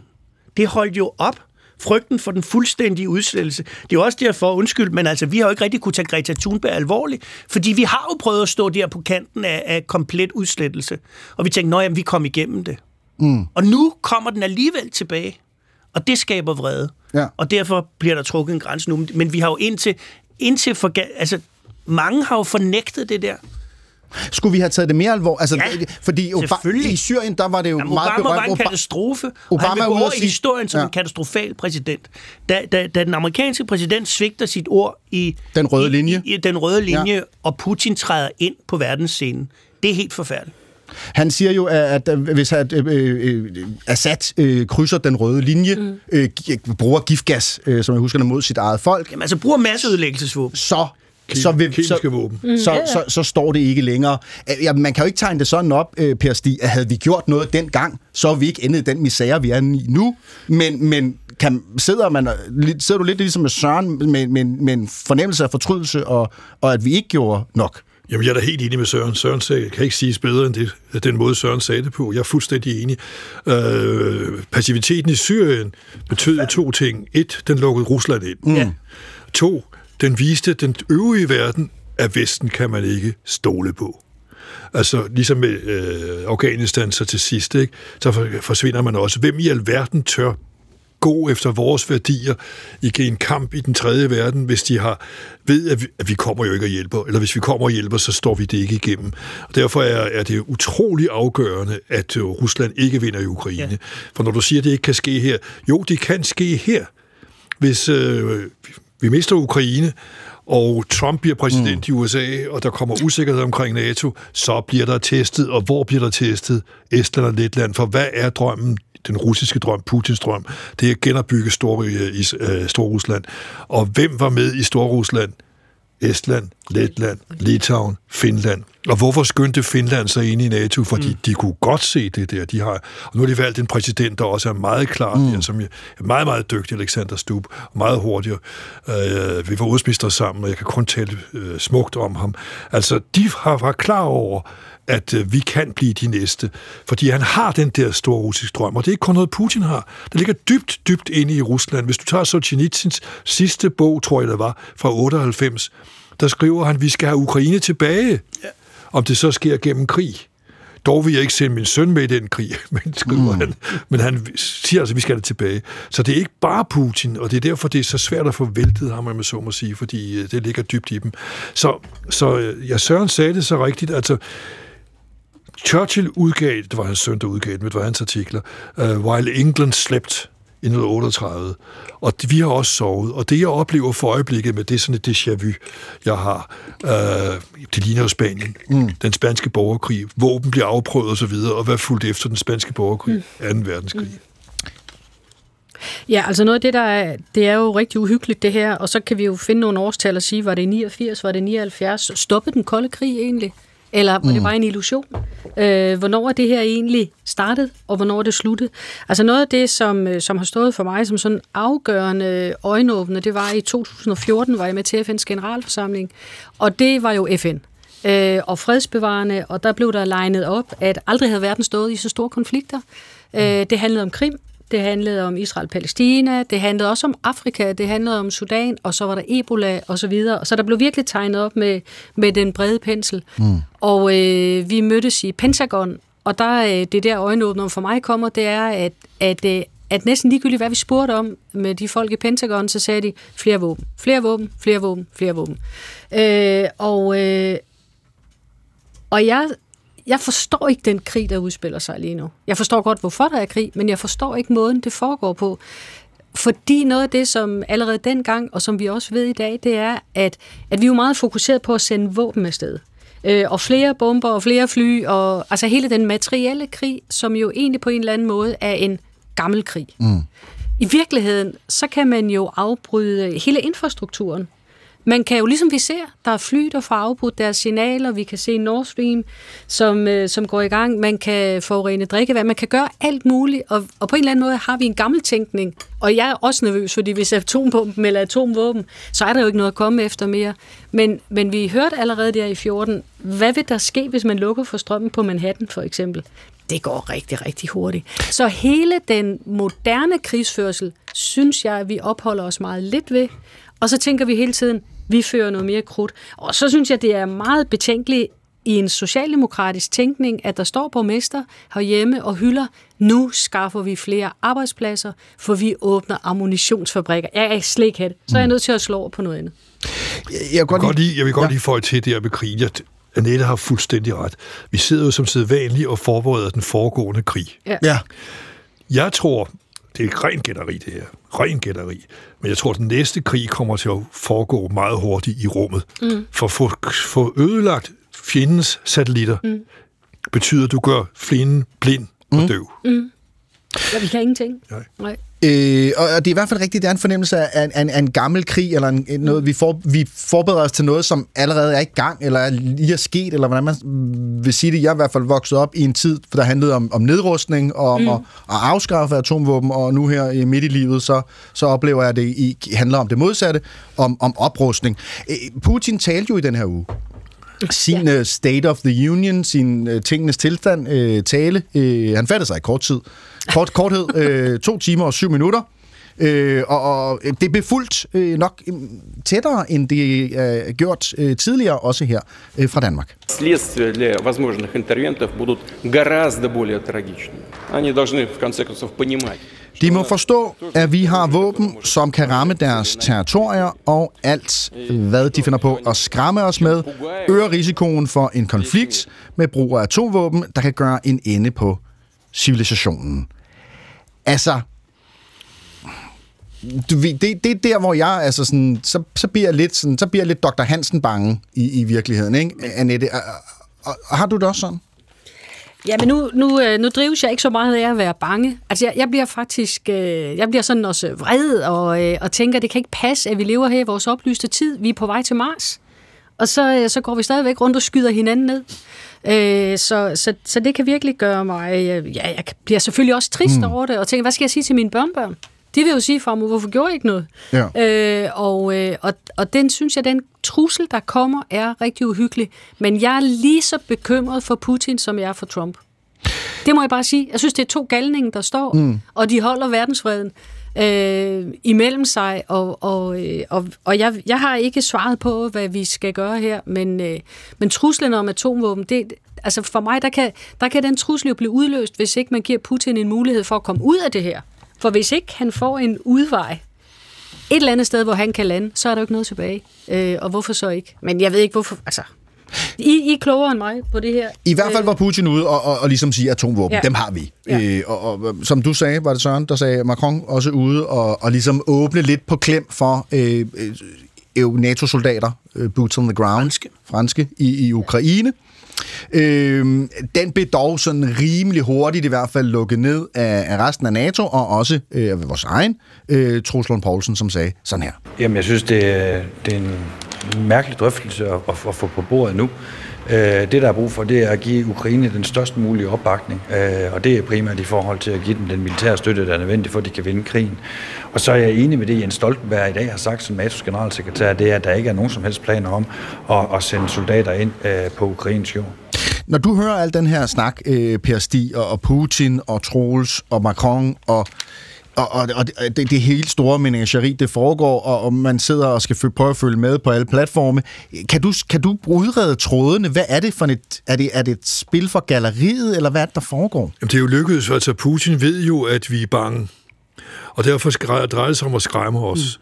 Mm. Fordi så gør vi ikke så meget. Altså, man kunne jo også sige, du kan da bare lade mm. være med at angribe Ukraine, så er der ikke nogen risiko for en atomkrig. Ja. Altså, mm. sådan kunne jo også ja. vendes om. Et udmærket argument. Altså, hvis vi andre pludselig forsvarer os, uha, mm. Altså, det minder mig lidt om Jørgen Rys øh, vidighed der med, med øh, nytårsaften, hvor der bliver kastet bomber og så videre, så han render rundt med sine kineser og smider efter andre, og så bliver der pludselig nogen, der kaster efter ham, så siger han, hov, det er ikke nytårsløjer, det er herværk. Mm-hmm. Altså, sådan er Putin jo. Og han optræder jo ligesom Chaplins figur øh, i, Diktatoren, diktatoren, der ja. ligger og leger med kloden. Mm. Men han kunne jo bare selv holde sig, hvis han virkelig ikke vil have ødelagt civilisationen. Så han har jo ved, at vi vil være bange, og det er også lykkedes. Vi har ikke givet Ukraine det, de havde brug for, fordi vi var bange for hans røde linjer.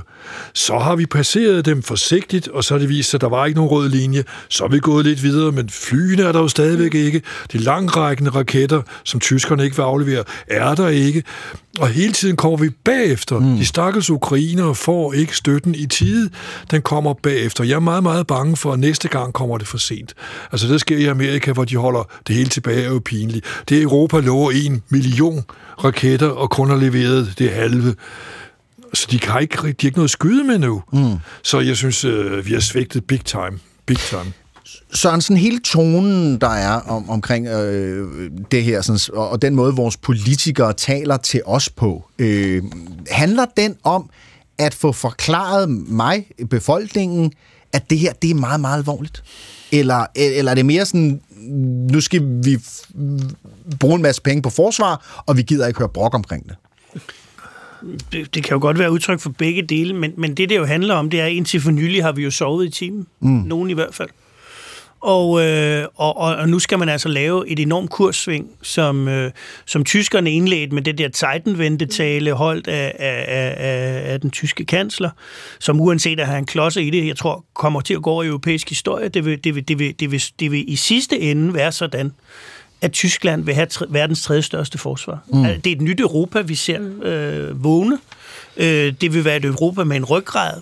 Og den transformation er man jo nødt til at formidle til den europæiske befolkning, herunder ikke mindst den danske, som jo igennem tiderne har vist en vis euroskepsis. Det er en enorm forandring. Øh, Også hvor mange penge vi kommer til at skulle investere mm. i det danske forsvar. Folk kommer til måske at lide afsavn, selvom de danske statsfinanser er meget stærke. Så derfor er man nødt til at kommunikere meget stærkt. Og jeg kan huske, øh, nu har I i oplægget til det her spurgt, øh, har du nogensinde skrevet en tale ud fra en meget alvorlig situation? Ja. Øh, og det gjorde jeg til grundlovsdag i 16. Øh, der var jeg justitsminister, og der havde vi set det her med tabet af kontrol. Jeg havde siddet med min franske kollega i, i EU's ministerråd, hvor han hamrede nævnen ned i bordet og råbte, Det er relativt atypisk. øh, du ved, man sidder de der 7-28 ministre. Det er meget, meget. Altså normalt så er der jo småsluderen og snak rundt omkring sådan noget.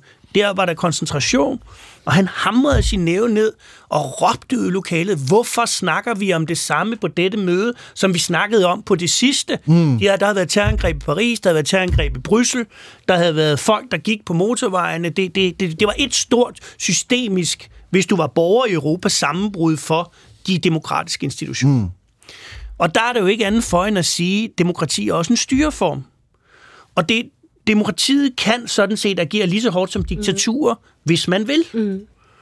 Øh, og der holder jeg en grundlovstale, og det er en meget bevidst provokation fra min side, hvor jeg vælger for eksempel at sige, tag kommunistloven i 1941, som nogen ganske vist påstår er grundlovsstridig, men det er ikke rigtigt, det var den ikke.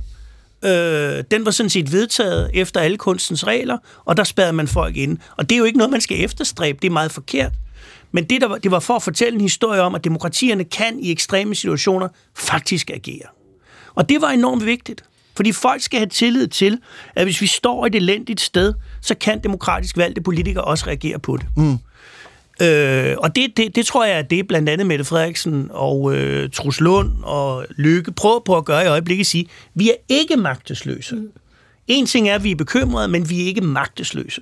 Og det tror jeg er for at holde sammen på det her, for det her skal blive 89-2, og vi skal komme om på den anden side. Jeg tror nemlig, at Rusland er meget sværere, end vi tror. Mm-hmm. Jeg mener i virkeligheden, behandlingen af Navalny er udtryk for svaghed. Det er, han står og råber om atomkrig er udtryk for svaghed. Ja. De enorme tab, de lider ved fronten, er udtryk for svaghed.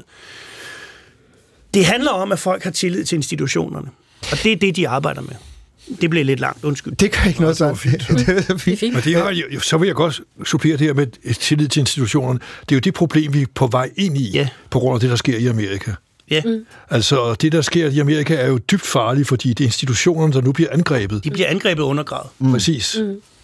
Noget af det, du siger, Søren, øh, er også en, i familie i hvert fald med det, Flemming Spidsbol siger. Øhm, fordi at, at jeg gik rundt og, og var sådan lidt nervøs øh, og tænkte, oh, skal man nu tænke på det atomkrig igen? Øh, og hvorfor skal han da snakke om det? Kunne han ikke sige noget hyggeligt, Putin, i sin tale, når, når han nu har to timer? Og, og der, der hørte jeg så øh, Flemming øh, Spidsbol den anden dag øh, i, øh, i tiden øh, her på, på DR, vores øh, podcast, vores daglige podcast, seniorforsker. Hos Dis er han, og så beder jeg lidt mere tryk. Jamen, der er blevet truet med atomvåben, og der bliver talt om krig, og der bliver gjort alt muligt. Og det gør der også, men vi har oplevet det meget, meget mere voldsomt. Så egentlig overraskende afdæmpet. Han minder os jo om, at Rusland har atomvåben. Han minder os om, at Rusland er ved at udvikle atomvåben, nye typer. Han er ved at minde os om, at Rusland har våben, som kan ramme mål i Vesten også. det gør han jo blandt andet i forbindelse med de her spekulationer, der har været om måske, at man skulle have NATO-tropper i Ukraine, altså tropper, som kunne løse forskellige opgaver derovre. Så der kommer en venlig påmindelse, som jo er en form for trussel. En venlig påmindelse, som er en form for trussel, og, og i virkeligheden måske en mere, en måske en lidt, ikke, ikke afdæmpet, men mere afdæmpet, og, og, og måske ikke så meget øh, en, en sådan, åh, bål og brand, men mere sådan, husk nu, øh, kammerater øh, fra, fra, den, fra den kolde krig, som måske ikke er overstået, øh, Annette. Vi har jo stadigvæk atomvåben. Nu skal du ikke glemme, der er valgt over. Det vil sige, at jeg skal også give russerne indtryk af, at han har styr på det, mm. og det er ikke så farligt. Ja, men har de nogen at vælge imellem, Per? Nej, det har de ikke, men han vil jo gerne Stadigvæk. give indtryk af Se godt ud. korse ja. Ja, ja, det er forfærdeligt, hvad ja. der foregår. Jeg følte mig i hvert fald lidt mere, øh, lidt mere tryg efter at have hørt det Flemming Jamen, altså, problemet er, og der har både Nette og, og Søren været enige i, at man jo alt for lang tid sagde, og der bruger du sådan et udtryk, du skal vel være som med nu, Annette, mm. men man skal finde en dør til, man skal altid finde en bagdør til folk, mm. det er fuldstændig mm. rigtigt. Mm. Øh, og det var det, man gjorde i alt for mange år. Jeg har jo siddet ved ministermøde til ministermøde til ministermøde, okay. hvor vi har haft Rusland på tapetet ja. uh, siden 2004. Og der var kom især tyskerne mm. hele tiden til at sige, at vi skal jo hjælpe ham ud, vi skal hjælpe ham ud. Og derfor var man alt for Men, men Per, hvad er alternativet til at finde den bagdør man til Putin? Man skulle have ham tidligere. Man skulle have stanset ham Det kan ja. vi jo ikke gøre, Per. Så nej, nu, nej. nu, nu leder vi enten efter en bagdør eller hårdt mod hårdt. Ja, der er kun hårdt mod hårdt, for han skal stanses i Ukraine. Men så er vi jo tilbage men, ved Dr. Hansen. Men, men, ja, det så, er vi da. men så er det vel også spørgsmålet der, om næste... Øh, om næste gik, undskyld. Nej, men om næste træk, så bliver, bliver det så reelt NATO, der går ind? Det tror jeg ikke. Nej, men jeg synes bare, at der er jo mange NATO-lande, som på alle mulige måder støtter og hjælper og sådan noget. Og nu vil jeg bare gerne tilbage til den der moderne krig, hvordan det går. Altså, skatter danske soldater afsted, skatter franske, men det er slet ikke der, det bliver vundet. Altså, det, det, det er nogle helt andre parametre, og han kan stå og sige atomvåben. Det siger han jo også til, til folkene i, i Men Rusland. det, der er ret, det er jo, det er jo sammenbrud. Det er jo, Ja, det er jo det er samfunds det. sammenbrud, Det er det. som ikke fungerer, og så Ja. kommer befolkningen til at blive meget, meget krigstrætte, Ja. ja. for der er pludselig intet, der fungerer. Nej. Det er derfor, svenskerne nu kommer med deres råd, som måske også bliver fuldt op i Danmark. Mm. Ikke? Men der- Det er jo et samfundets sammenbrud, der forbereder sig. Det er det, de går på. Ja. Det er derfor, jeg frygter meget den der satellitkrig. Mm. Men der er alligevel det at sige til det. Altså det med den moderne krig, det er jeg sådan set med på. Men problemet for Ukraine er, at det, der bliver udført dernede, det er den gammeldags Det er krig. Det er erobringskrig, Ja, ja. hvor russerne sender 10.000 øh, 10.000 granater afsted i døgnet, og, og ukrainerne kun har to. Mm. Det er. Og, og, det, og det er derfor, vi skal træde til. Og jeg tror også om et år, altså så må vi håbe, de når at standse det i mellemtiden. Det tror jeg også, de kan. Jeg tror, jeg, jeg, tror, jeg er personlig optimist. Jeg tror, Europa er ved at vågne, men, men vi får se. Jamen Søren, det forudsætter, at amerikanerne begynder at hjælpe. Ja, må ikke de når at gøre det en gang til? Og når vi, og når vi går ind og siger, at vi, vi laver en 10-års kontrakt aftale med Ukraine. Jamen, det understøtter dem jo også. Fordi så ved de, at der er ja, penge i det den anden ende. Og det, er jo- det er jo ikke kun os, det er jo hele Europa. Altså, de, de får rigtig mange penge ind på den konto nu. Men det, der er problemet, det er, at vores urproduktion af bestemte ting er simpelthen, har simpelthen blevet så svækket igennem de sidste 15-20 år. Vi hjemtog en fredsdividende meget hurtigt, ikke? Jo, i 94, der kommer jo allerede søndefaldet, øh, som ligger bag det, der Mm. sker nu. I 94 giver, afleverer de deres atomvåben ja. til Rusland, i tillid til en garanti, de får af Rusland, USA og England, om at deres grænser vil blive beskyttet. Altså England og USA garanterer mm. deres grænser. Goddag, du. Goddag, du. Ja. Der er ikke garanteret noget som helst, fordi der troede ukrainerne, så står der også amerikanske og engelske Mm. soldater Mm. ved grænsen, hvis den bliver troet. Det gjorde der jo ikke. Nej. Men vi sagde, vi, okay, vi kan sende jer noget, og så sender vi noget, så de selv kan få lov at slås. Men det var ikke det, man sagde til dem i 94. Igen, det er det, jeg ad- advarer så kraftigt imod. Vestens svigt. Og det er derfor, jeg ikke kan blive vred over, Lars Løkke taler Mm. mm. med, med, med, med, med en udenrigsminister i, øh, i øh, Mellemøsten. For vi skal prøve at få nogle flere venner, i stedet for hele tiden at tabe venner. Men de der alliancer, som vi jo gerne vil have der i Europa, og som jeg er helt enig i, at et stærkt Europa vil gøre meget, men vi bliver også nødt til at se på den der hverdag, der præger folk. Og for eksempel, når man i Polen, og det polske landbrug, nu er jeg over i landbruget igen, men, men de reagerer selvfølgelig på, at deres produktion øh, har det svært, mm. hvis man øh, giver Ukraine, Ukraine ja. nogle fordele. Og så undergraver man jo den europæiske alliance, der skal være, fordi at man bliver sulten. Mm. Øh, så, så, så jeg synes, den her krig, den kører på Den rigtig kører på mange niveauer. mange niveauer. Og som skal tages alvorligt. Men vi, øh, jeg hæfter mig i hvert fald ved øh, en forsigtig optim- optimisme og over for dig, Søren, øh, som jeg hænger min hat på. Men, øh, men, men det, er jo, det er jo også fordi, jeg oplever, at vi har sovet alt for længe. Så alene det, man vågner... En altså, form det kan for- lyde helt forfærdeligt, men alene det, man vågner... Øh, vi troede jo, det hele ville gå af sig selv. Altså, nu har, nu er det nævnt 10.000 gange, men Fukuyama, som skriver bogen mm. om historiens endeligt. Og historien slutter aldrig. Nej, det var Huntington, der havde ret. Mm. Han skrev civilisationerne sammen. men jeg tror dog, at de liberale demokratier ender med at vinde. Jo, jo. Vi, Vi, Men den øh, konflikt, vi har, det er civilisationernes Vi- vi- sammensted. vi vil have 20 den tager vi- programmer. den- den tager vi lige vi næste fortsætter program. Vi det? diskussionen i det uendelige her i uh, Svingdøren. Der er masser af programmer endnu.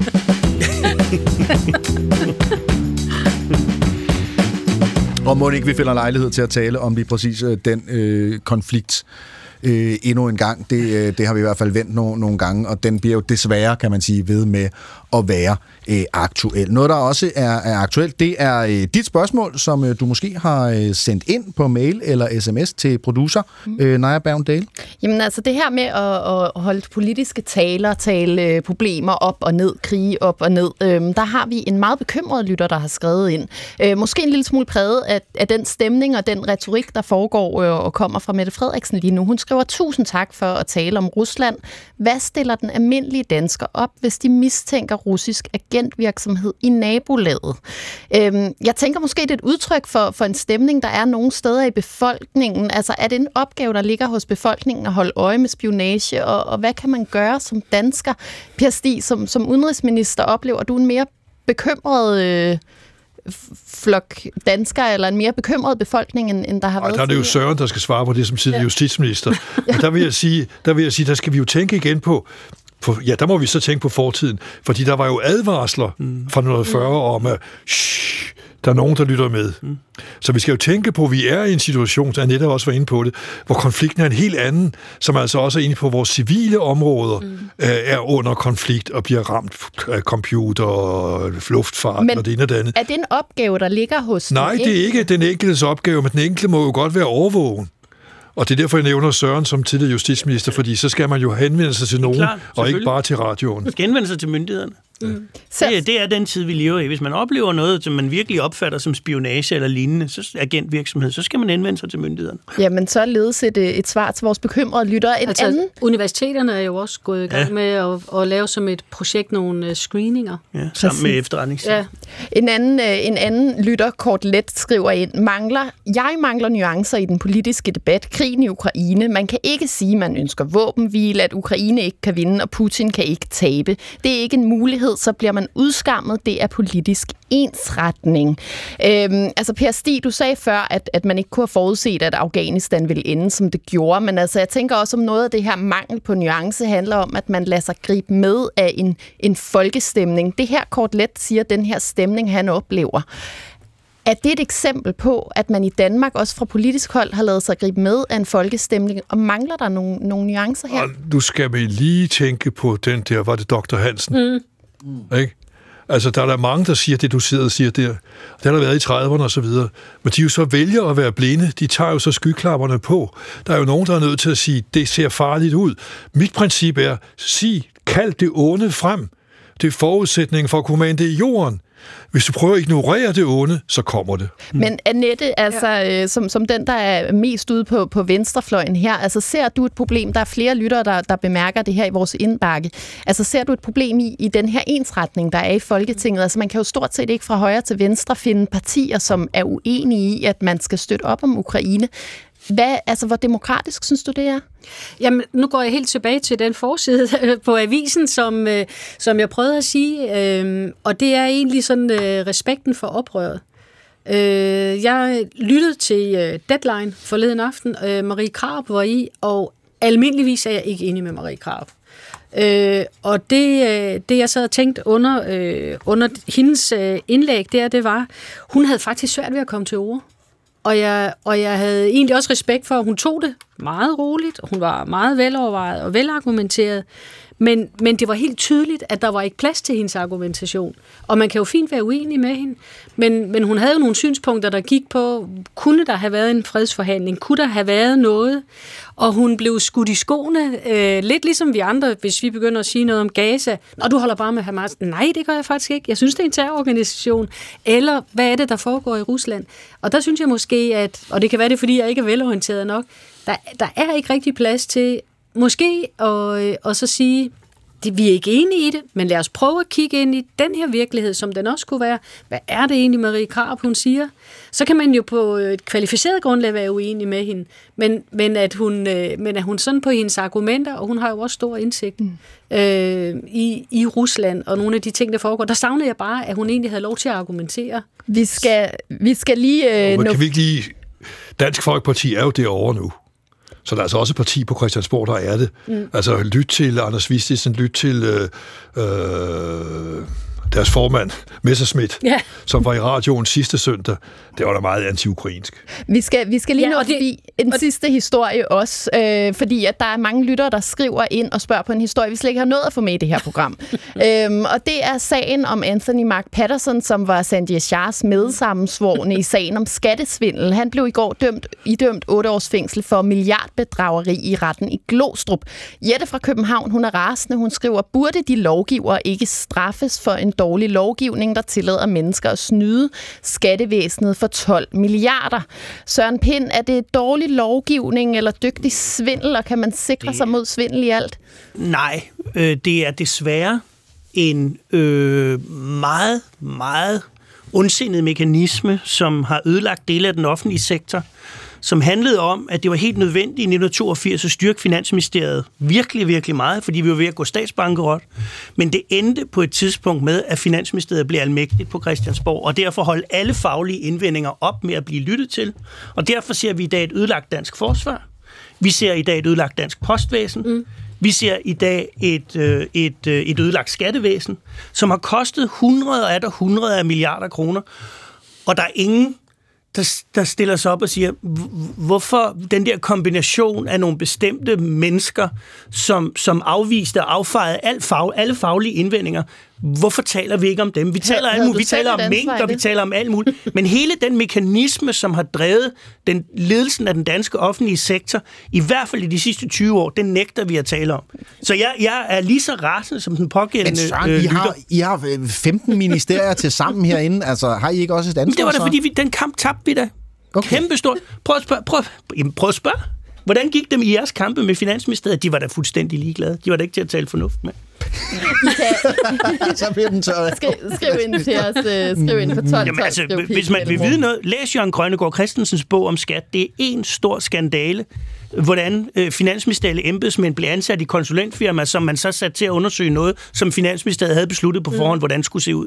Det er en enorm skandale det stikker, det stikker fuldstændig af her i studiet. En lille hilsen, så slutter vi lige på en lille lytterhilsen. Den er til dig, Søren Pind. Øh, en, en lytter, der hedder Alla, øh, der skriver, Du er simpelthen en stor held for mig og millioner af ukrainere, der er hjerteligt taknemmelige for din personlige heroiske støtte og den danske Ukraine-komité. Mange hilsner. Tak. Øh, ja. Mobile Pay 92 40 84.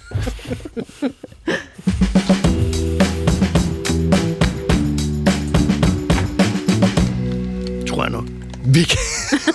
Ellers er der nogen, der måske bliver, rig- bliver rigtig glade ved at få en lille erkendelighed. Øh, nå, øh, det kan være, vi når en... Øh, ah, det gør vi nok ikke, men det kan være, vi når spørgsmål, inden klokken den bliver, øh, bliver helt. Øh, nu har vi talt nu den meget store klinge, nu, nu skal vi ned på jorden, nu skal vi øh, takle, kan man sige, et hverdagsproblem, som, som i hvert fald en del af Danmark bakser med, Søren Pind. Allerede i 2013, da man første gang spottede ulven her i Danmark i igen, øh, den har jo været her før, der skrev du på øh, Facebook. Øh, synes jagten skal give fri, gives fri på ulve. Den form for rovdyr i fri natur i Danmark er long gone og udtryk for en mærkelig form for urnostalgi og sentimentalitet knyttet til mennesker, der ikke selv bor nær på. Mennesket hører også til i naturens orden. Hvorfor var du så skråsikker på spørgsmålet om ulven, og at den bare skulle skydes? Jamen, fordi jeg, jeg, jeg er gammel borgmester i hovedstadsområdet. Altså, det skulle da lige have været i Charlotten Lund, der gik sådan en, sådan en ulv rundt. Er du mm. sindssyg mand? Men fordi det er over i Vestjylland, øh, hvor de ovenikøbet nu, de ser nogen gå rundt i gaderne i byerne, jamen, så, så er man ligeglad med, øh, som lovgiver. Og jeg, jeg synes simpelthen, det er groft.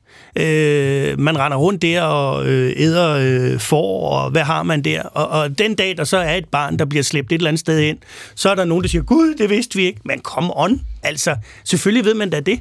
Det vidste øh, Søren Pind. Øh, dit parti dengang var uenige med dig. Jeg havde faktisk troet, at netop mit parti ville, men så skete der noget. ja, for det dyrevelfærdsordfører Erling øh, Bonnesen, han sagde til politikken den, den, dengang, at det ikke var Venstres øh, politik, og at dine øh, udtalelser om ulven og, og ulvemorerne stod for egen regning. Ja. Men, men, men, øh, vi har jo alle sammen øh, lov til at blive lige så kloge som Søren Pind en dag, øh, for nu er Erling Bonnesen jo i øh, miljøoverfører i, i Venstre, og jeg ved ikke, om han har lyttet til dig, eller, eller hvad der er sket, men han sagde i hvert fald sådan her i løbet af ugen i P1-debat. Danmark er simpelthen for lille et land til at have mange af ulve, når man har oplevet jo og besøgt øh, landbrug, hvor det er forerne direkte bliver angrebet jamen så er det klart, så er det en forfærdelig situation.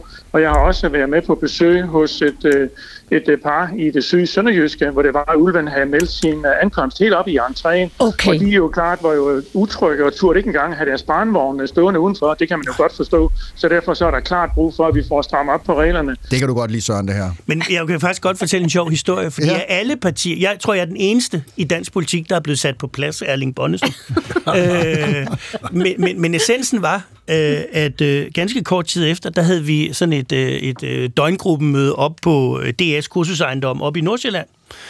Og øh, det foregik som den slags gik så op ad lørdag formiddag, der tænkte jeg, nu, nu gider jeg ikke mere, nu kører jeg hjem. Så tager Hans Christian Schmidt fat i mig, så siger han, øh, du, du, du skal lige vente et øjeblik. Hvad, hvad for noget? Hvorfor skal jeg vente? Vent lige et øjeblik. Okay, så sad jeg der. Det var relativt atypisk. Nå, så bad Hans Christian om ord så fik Erling ellers massiv til. Ja. Og så var der 8, 9, 10, der rejste sig op og gav ham bank, for han havde sagt det med ulvene. Og jeg tænkte bare, og så da, da så 10 havde rejst sig op, så kiggede Hans Christian hen til mig, så nikkede han, så kunne jeg godt få lov at gå. Gud. Men det her med dyr. Øhm, og, og, og, og, og naturnationalparker, og kan vi have ulve og, og sæler i Øresund, og, og så videre. Annette, hvorfor, hvorfor er det altid noget, som... Jamen, det, det er også et sted, hvor der kan følelserne virkelig komme i kog. Hvorfor? Jamen, de, de kan virkelig komme i kog, og jeg har også nogle anekdoter fra, fra Folketingssalen og debatter og sådan noget, hvor jeg blev præsenteret for et begreb, det har jeg ikke hørt før, men sådan et noget, der hedder et nuttighedskriterie. Ja. Ja. Og det er, når man diskuterer noget med dyr, høns for eksempel, de er ikke særlig nutte. Nej. Så når man skal, så når man skal aftale, hvor meget plads de skal have, så skal de bare have noget plads og ikke for meget, og sådan er det med høns, de er ikke særlig kære. Men kaniner er meget søde. Øh, hun er Prøv lige, at meget kigge, sød. prøv lige at kigge til højre. Ja.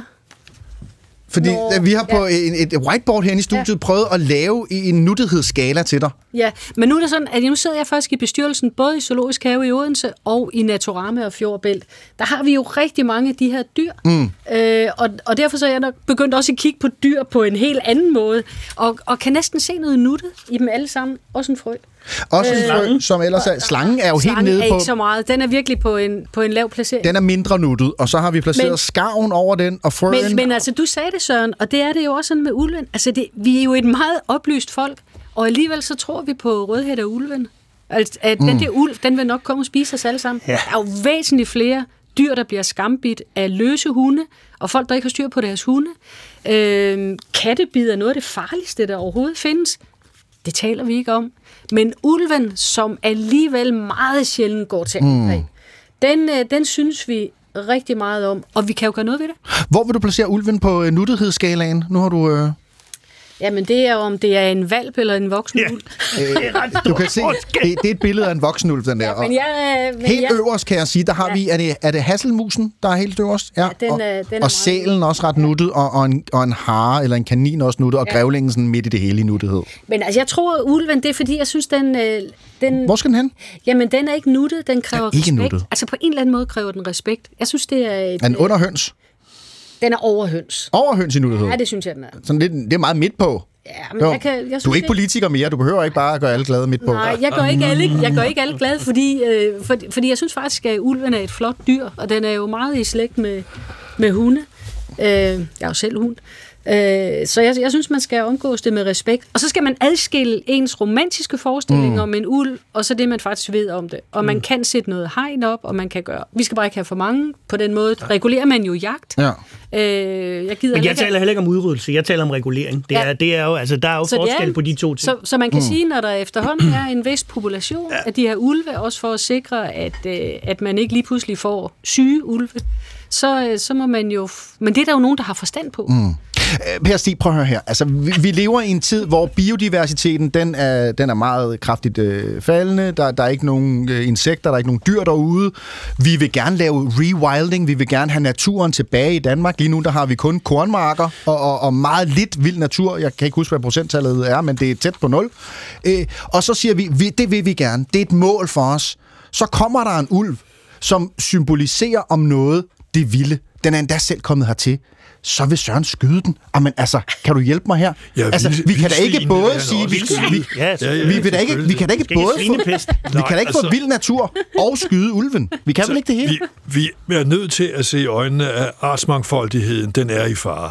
Og det kan man godt sige, vi kan godt klare os ulve ulve, men der er altså en masse sammenhænge, øh, som betyder, at artsmangfoldigheden er faktisk nødvendig, for hvis du fjerner den ene art, så er der faktisk en anden art, som har levet af den, som så også dør ud og så videre. Så hvis du for eksempel siger, at vi skal fjerne alle øh, moskitoer, alle myg, ja tak, men så er der altså padderne, som vil være meget ked af det, for ja. Dem spiser de. Så forsvinder padderne. Så kommer storken, den er meget ked af det, for den spiser padderne. Tingene hænger sammen i naturen. Mm. Uh, så, så uh, som miljøminister havde jeg skavproblemet, som I har langt nede. Det er også en ægelfugl. Og det var forbudt for grund af EU. Havde, vi havde fredningsregler, og Danmark var det land, som havde flest skav, og derfor var det os, der skulle beskytte skaven, Polen og Danmark. De andre de var væk alle andre steder. Og det gik jo galt, fordi skaven ødelagde jo alt liv omkring sig. Ja, Så blev det endelig indført. Alle hedder skaven. Ja, skaven er en frygtelig at skov, at skov Naturstyrelsen kunne sejle ud til de øer, hvor de holder til, og de steder, prikke hul på æggene, for at holde bestanden ned. Mm. Det er så også lykkedes. Uh, ulven, jeg kan huske fra uh, min skolegang, i grundskolen, der var nogle stilehæfter, som havde nogle årstal på bagsiden, som man var meget stolt af i Danmarks historien. 1813, den sidste ulv skudt. Mm. Det var et mærkepæl i det, det vi Men det var jo datidens måde at tænke på. Ja, ja, det er rigtigt, Altså, men tænker vi jeg jo vil ikke nu. sige ligesom, at Det sidste hvide vi kan næsehorn ikke bare, skudt. sige, vi kan, ikke, vi kan ikke Mm. bare sige til folk, du kan lave, det hørte jeg i går i radioen, I kan bare få et ulvehegn. Mm. Hvad for noget vrøvl? Mm. Hvis du har ulven i Gribskov for eksempel, ja, så jeg, bor jeg ned til Store Dyrehave. Så skal jeg altså begynde at lave et ulvehegn, og alle os, der bor i nærheden af Store Dyrehave, skal bygge ulvehegn. Det kan vi jo ikke. Altså er det... Og ulven angriber kun inde i civiliserede områder, hvis den er sulten. Og det vil sige, hvis der er for mange af dem. Mm. Så er det som i Jøster Berlings saga, så jager de. Mm. Men derfor er det jo drejet sig om at holde bestanden nede. Jægerne jeg holder jo også mm. rådyrene og så videre mm. nede, øh, for at sørge for, at de ikke øh, begynder Mm. øh, at lide nød. Og det samme må man jo gøre med ulven, holde bestanden nede på et eller andet punkt, med, der er klogt. Øh, Skarven har du bakset med. Øh, Vi har været en tur i arkivet også og fundet et, et, en anden gang, hvor du har krydset klinger med et, et dyr, som så er længere op på nuttighedsskalaen, fordi skarven, den er der åbenbart ikke nogen, der gider, øh, bare fordi den ikke er, er så køn at se på. Øh, vi skal besøge den dag, hvor at det blev besluttet, at vi skulle have en fast forbindelse til Sverige. Øh, I kig tilbage i 1999, øh, hvor at, at vi øh, blev enige om, at der skal der være en Øresundsbro. Der er meget store muligheder, som realiseres med denne bro. Derfor er det en drøm, der går i opfyldelse. For Danmark en 300-årig gammel drøm mm. omkring selve Øresundsbroen, en 100-årig gammel projekt, som går i opfyldelse, når den her afstemning i dag er overstået. Der er selvfølgelig ingen af os, der tror, at denne bro i sig selv skaber vækst. Men broen viser sig selv knytter os tættere sammen, således som vi har ønsket det i århundreder. Og dengang i 91, hvor vi knyttede tættere bånd til hinanden. Øh, men inden at broen øh, kunne, kunne besluttes og blive en realitet, så, så var der en del røre, blandt andet fordi miljøaktivister var ret bekymrede for sælerne i Øresund. Ja. Øh, her er et klip øh, fra dagen for tredje behandling af forslaget om Øresundsbroen. Øh, det er på Christiansborg Slottsplads, hvor at reporter Bjarne Winter, han dækker dagens demonstrationer. Over hele København har der været afholdt flere demonstrationer mod øh, Øresundsbroen. Demonstrationen Stop Broen her i eftermiddag er kulminationen af måneders demonstrationer og oprør mod den kommende bro mellem Danmark og Sverige. Det er modstandernes næsten sidste mulighed for at påvirke politikerne bag broforliget, inden den endelige vedtagelse i morgen derinde i Folketingssalen, hvis der ikke Socialdemokratiet kræver den endelige beslutning udskudt, fordi beslutningen er i strid med en række EF-direktiver. Det er et hav af organisationer, som står bag øh, dagens demonstrationer. Det er miljøorganisationer, det er Folkebevægelsen mod EF, Haveforeningen. Bjarne Winter har svært ved at koncentrere sig på grund af, af samba-rytmerne til synligheden, som forplanter sig i hans hofter. Det var da noget Det var- festligere, vil Det jeg var sige. foreningen Nej til Nyt, der... Jo, men der, der kan jeg komme med den anekdote, du går efter, for der er ikke så meget tid tilbage. Altså, jeg bliver bedt om at træde, øh, komme med i øh, TV Løje. Ja. Og forklare øh, sal, øh, problemerne på Saltholm og med sælerne. Mhm. Og der går de så ud fra, at nu skal jeg have tæsk, ikke? Og øh, det, er jo, det er jo Danmarks Radio.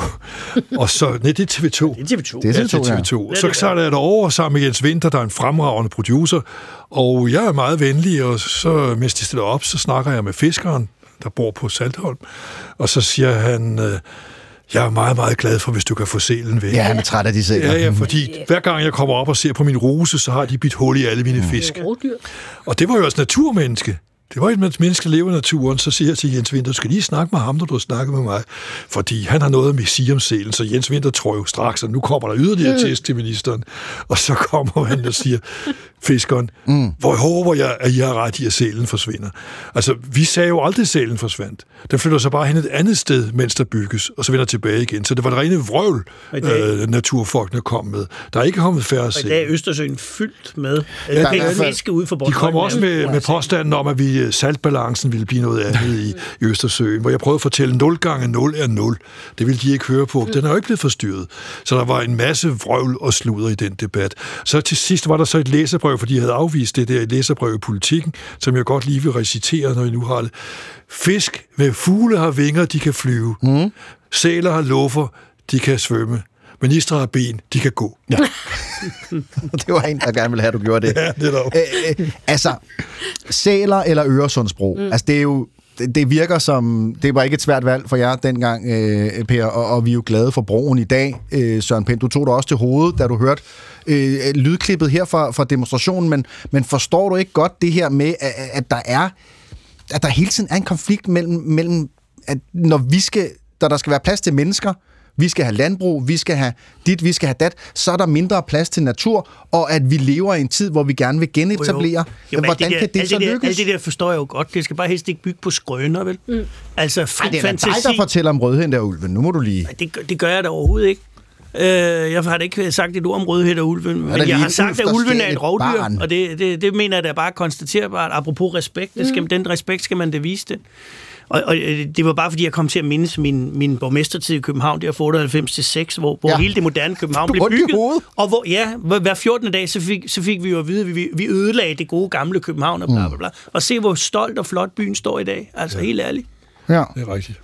Så altså, der skal være øh, brok øh, ved alt fremskridt. Er det det, der er, er moralen, eller hvad? Det er der jo altid. Det har der jo været hele historien igennem. Altså, der var også nogen, der ville slukke den første ild, for sæt det barn kom til at øh, blive brændt. Vi, vi, havde, vi havde på et tidspunkt besøg. Vi boede inde midt i Svanninge Bakker, 600 meter inde i skoven. Og så havde vi besøg af tre øh, fra Ghana. Vi havde noget samarbejde med igennem noget øh, DGI og noget idræt. Og øh, så ville jeg gå en tur med dem ud i skoven. Så sagde de nej. Mm. Der er fyldt med vilde dyr. Ja, ja, ja. Så sagde ja. jeg, nej, nej, nej, nej, nej. dem det er Svanninge Søren og- Bakker. dem har Det er og- Svanninge Bakker. Vi har ikke vilde dyr. Ja, Jo, sagde de så. fordi længst. I er så glade for vilde dyr i. Afrika, så I må have masser af dem her. Vi kan ikke få dem med ud i Hvor skoven. er det sjovt. Sværninge bakker. Ja. Goddag, dog. Jamen, det er da også sjovt sagt, Det er at det er syn. Ja. Per Styen Møller, Annette Wilhelmsen, Søren Pind, tusind tak for øh, fremragende selskab her i dagens udgave af Svingdøren. Tak. Være Og nu er der 15 Sikke sekunder. begejstring, I lukker på. Nå, men jeg kan da lige sige her til sidst, at jeg hedder Tony Scott, og producer er Naja Bergen Dale, og vi er klar igen næste uge med Lykke Friis, Karen Ellemann og Jakob Havgård, så det skal nok blive festligt. Her er det Radiovis.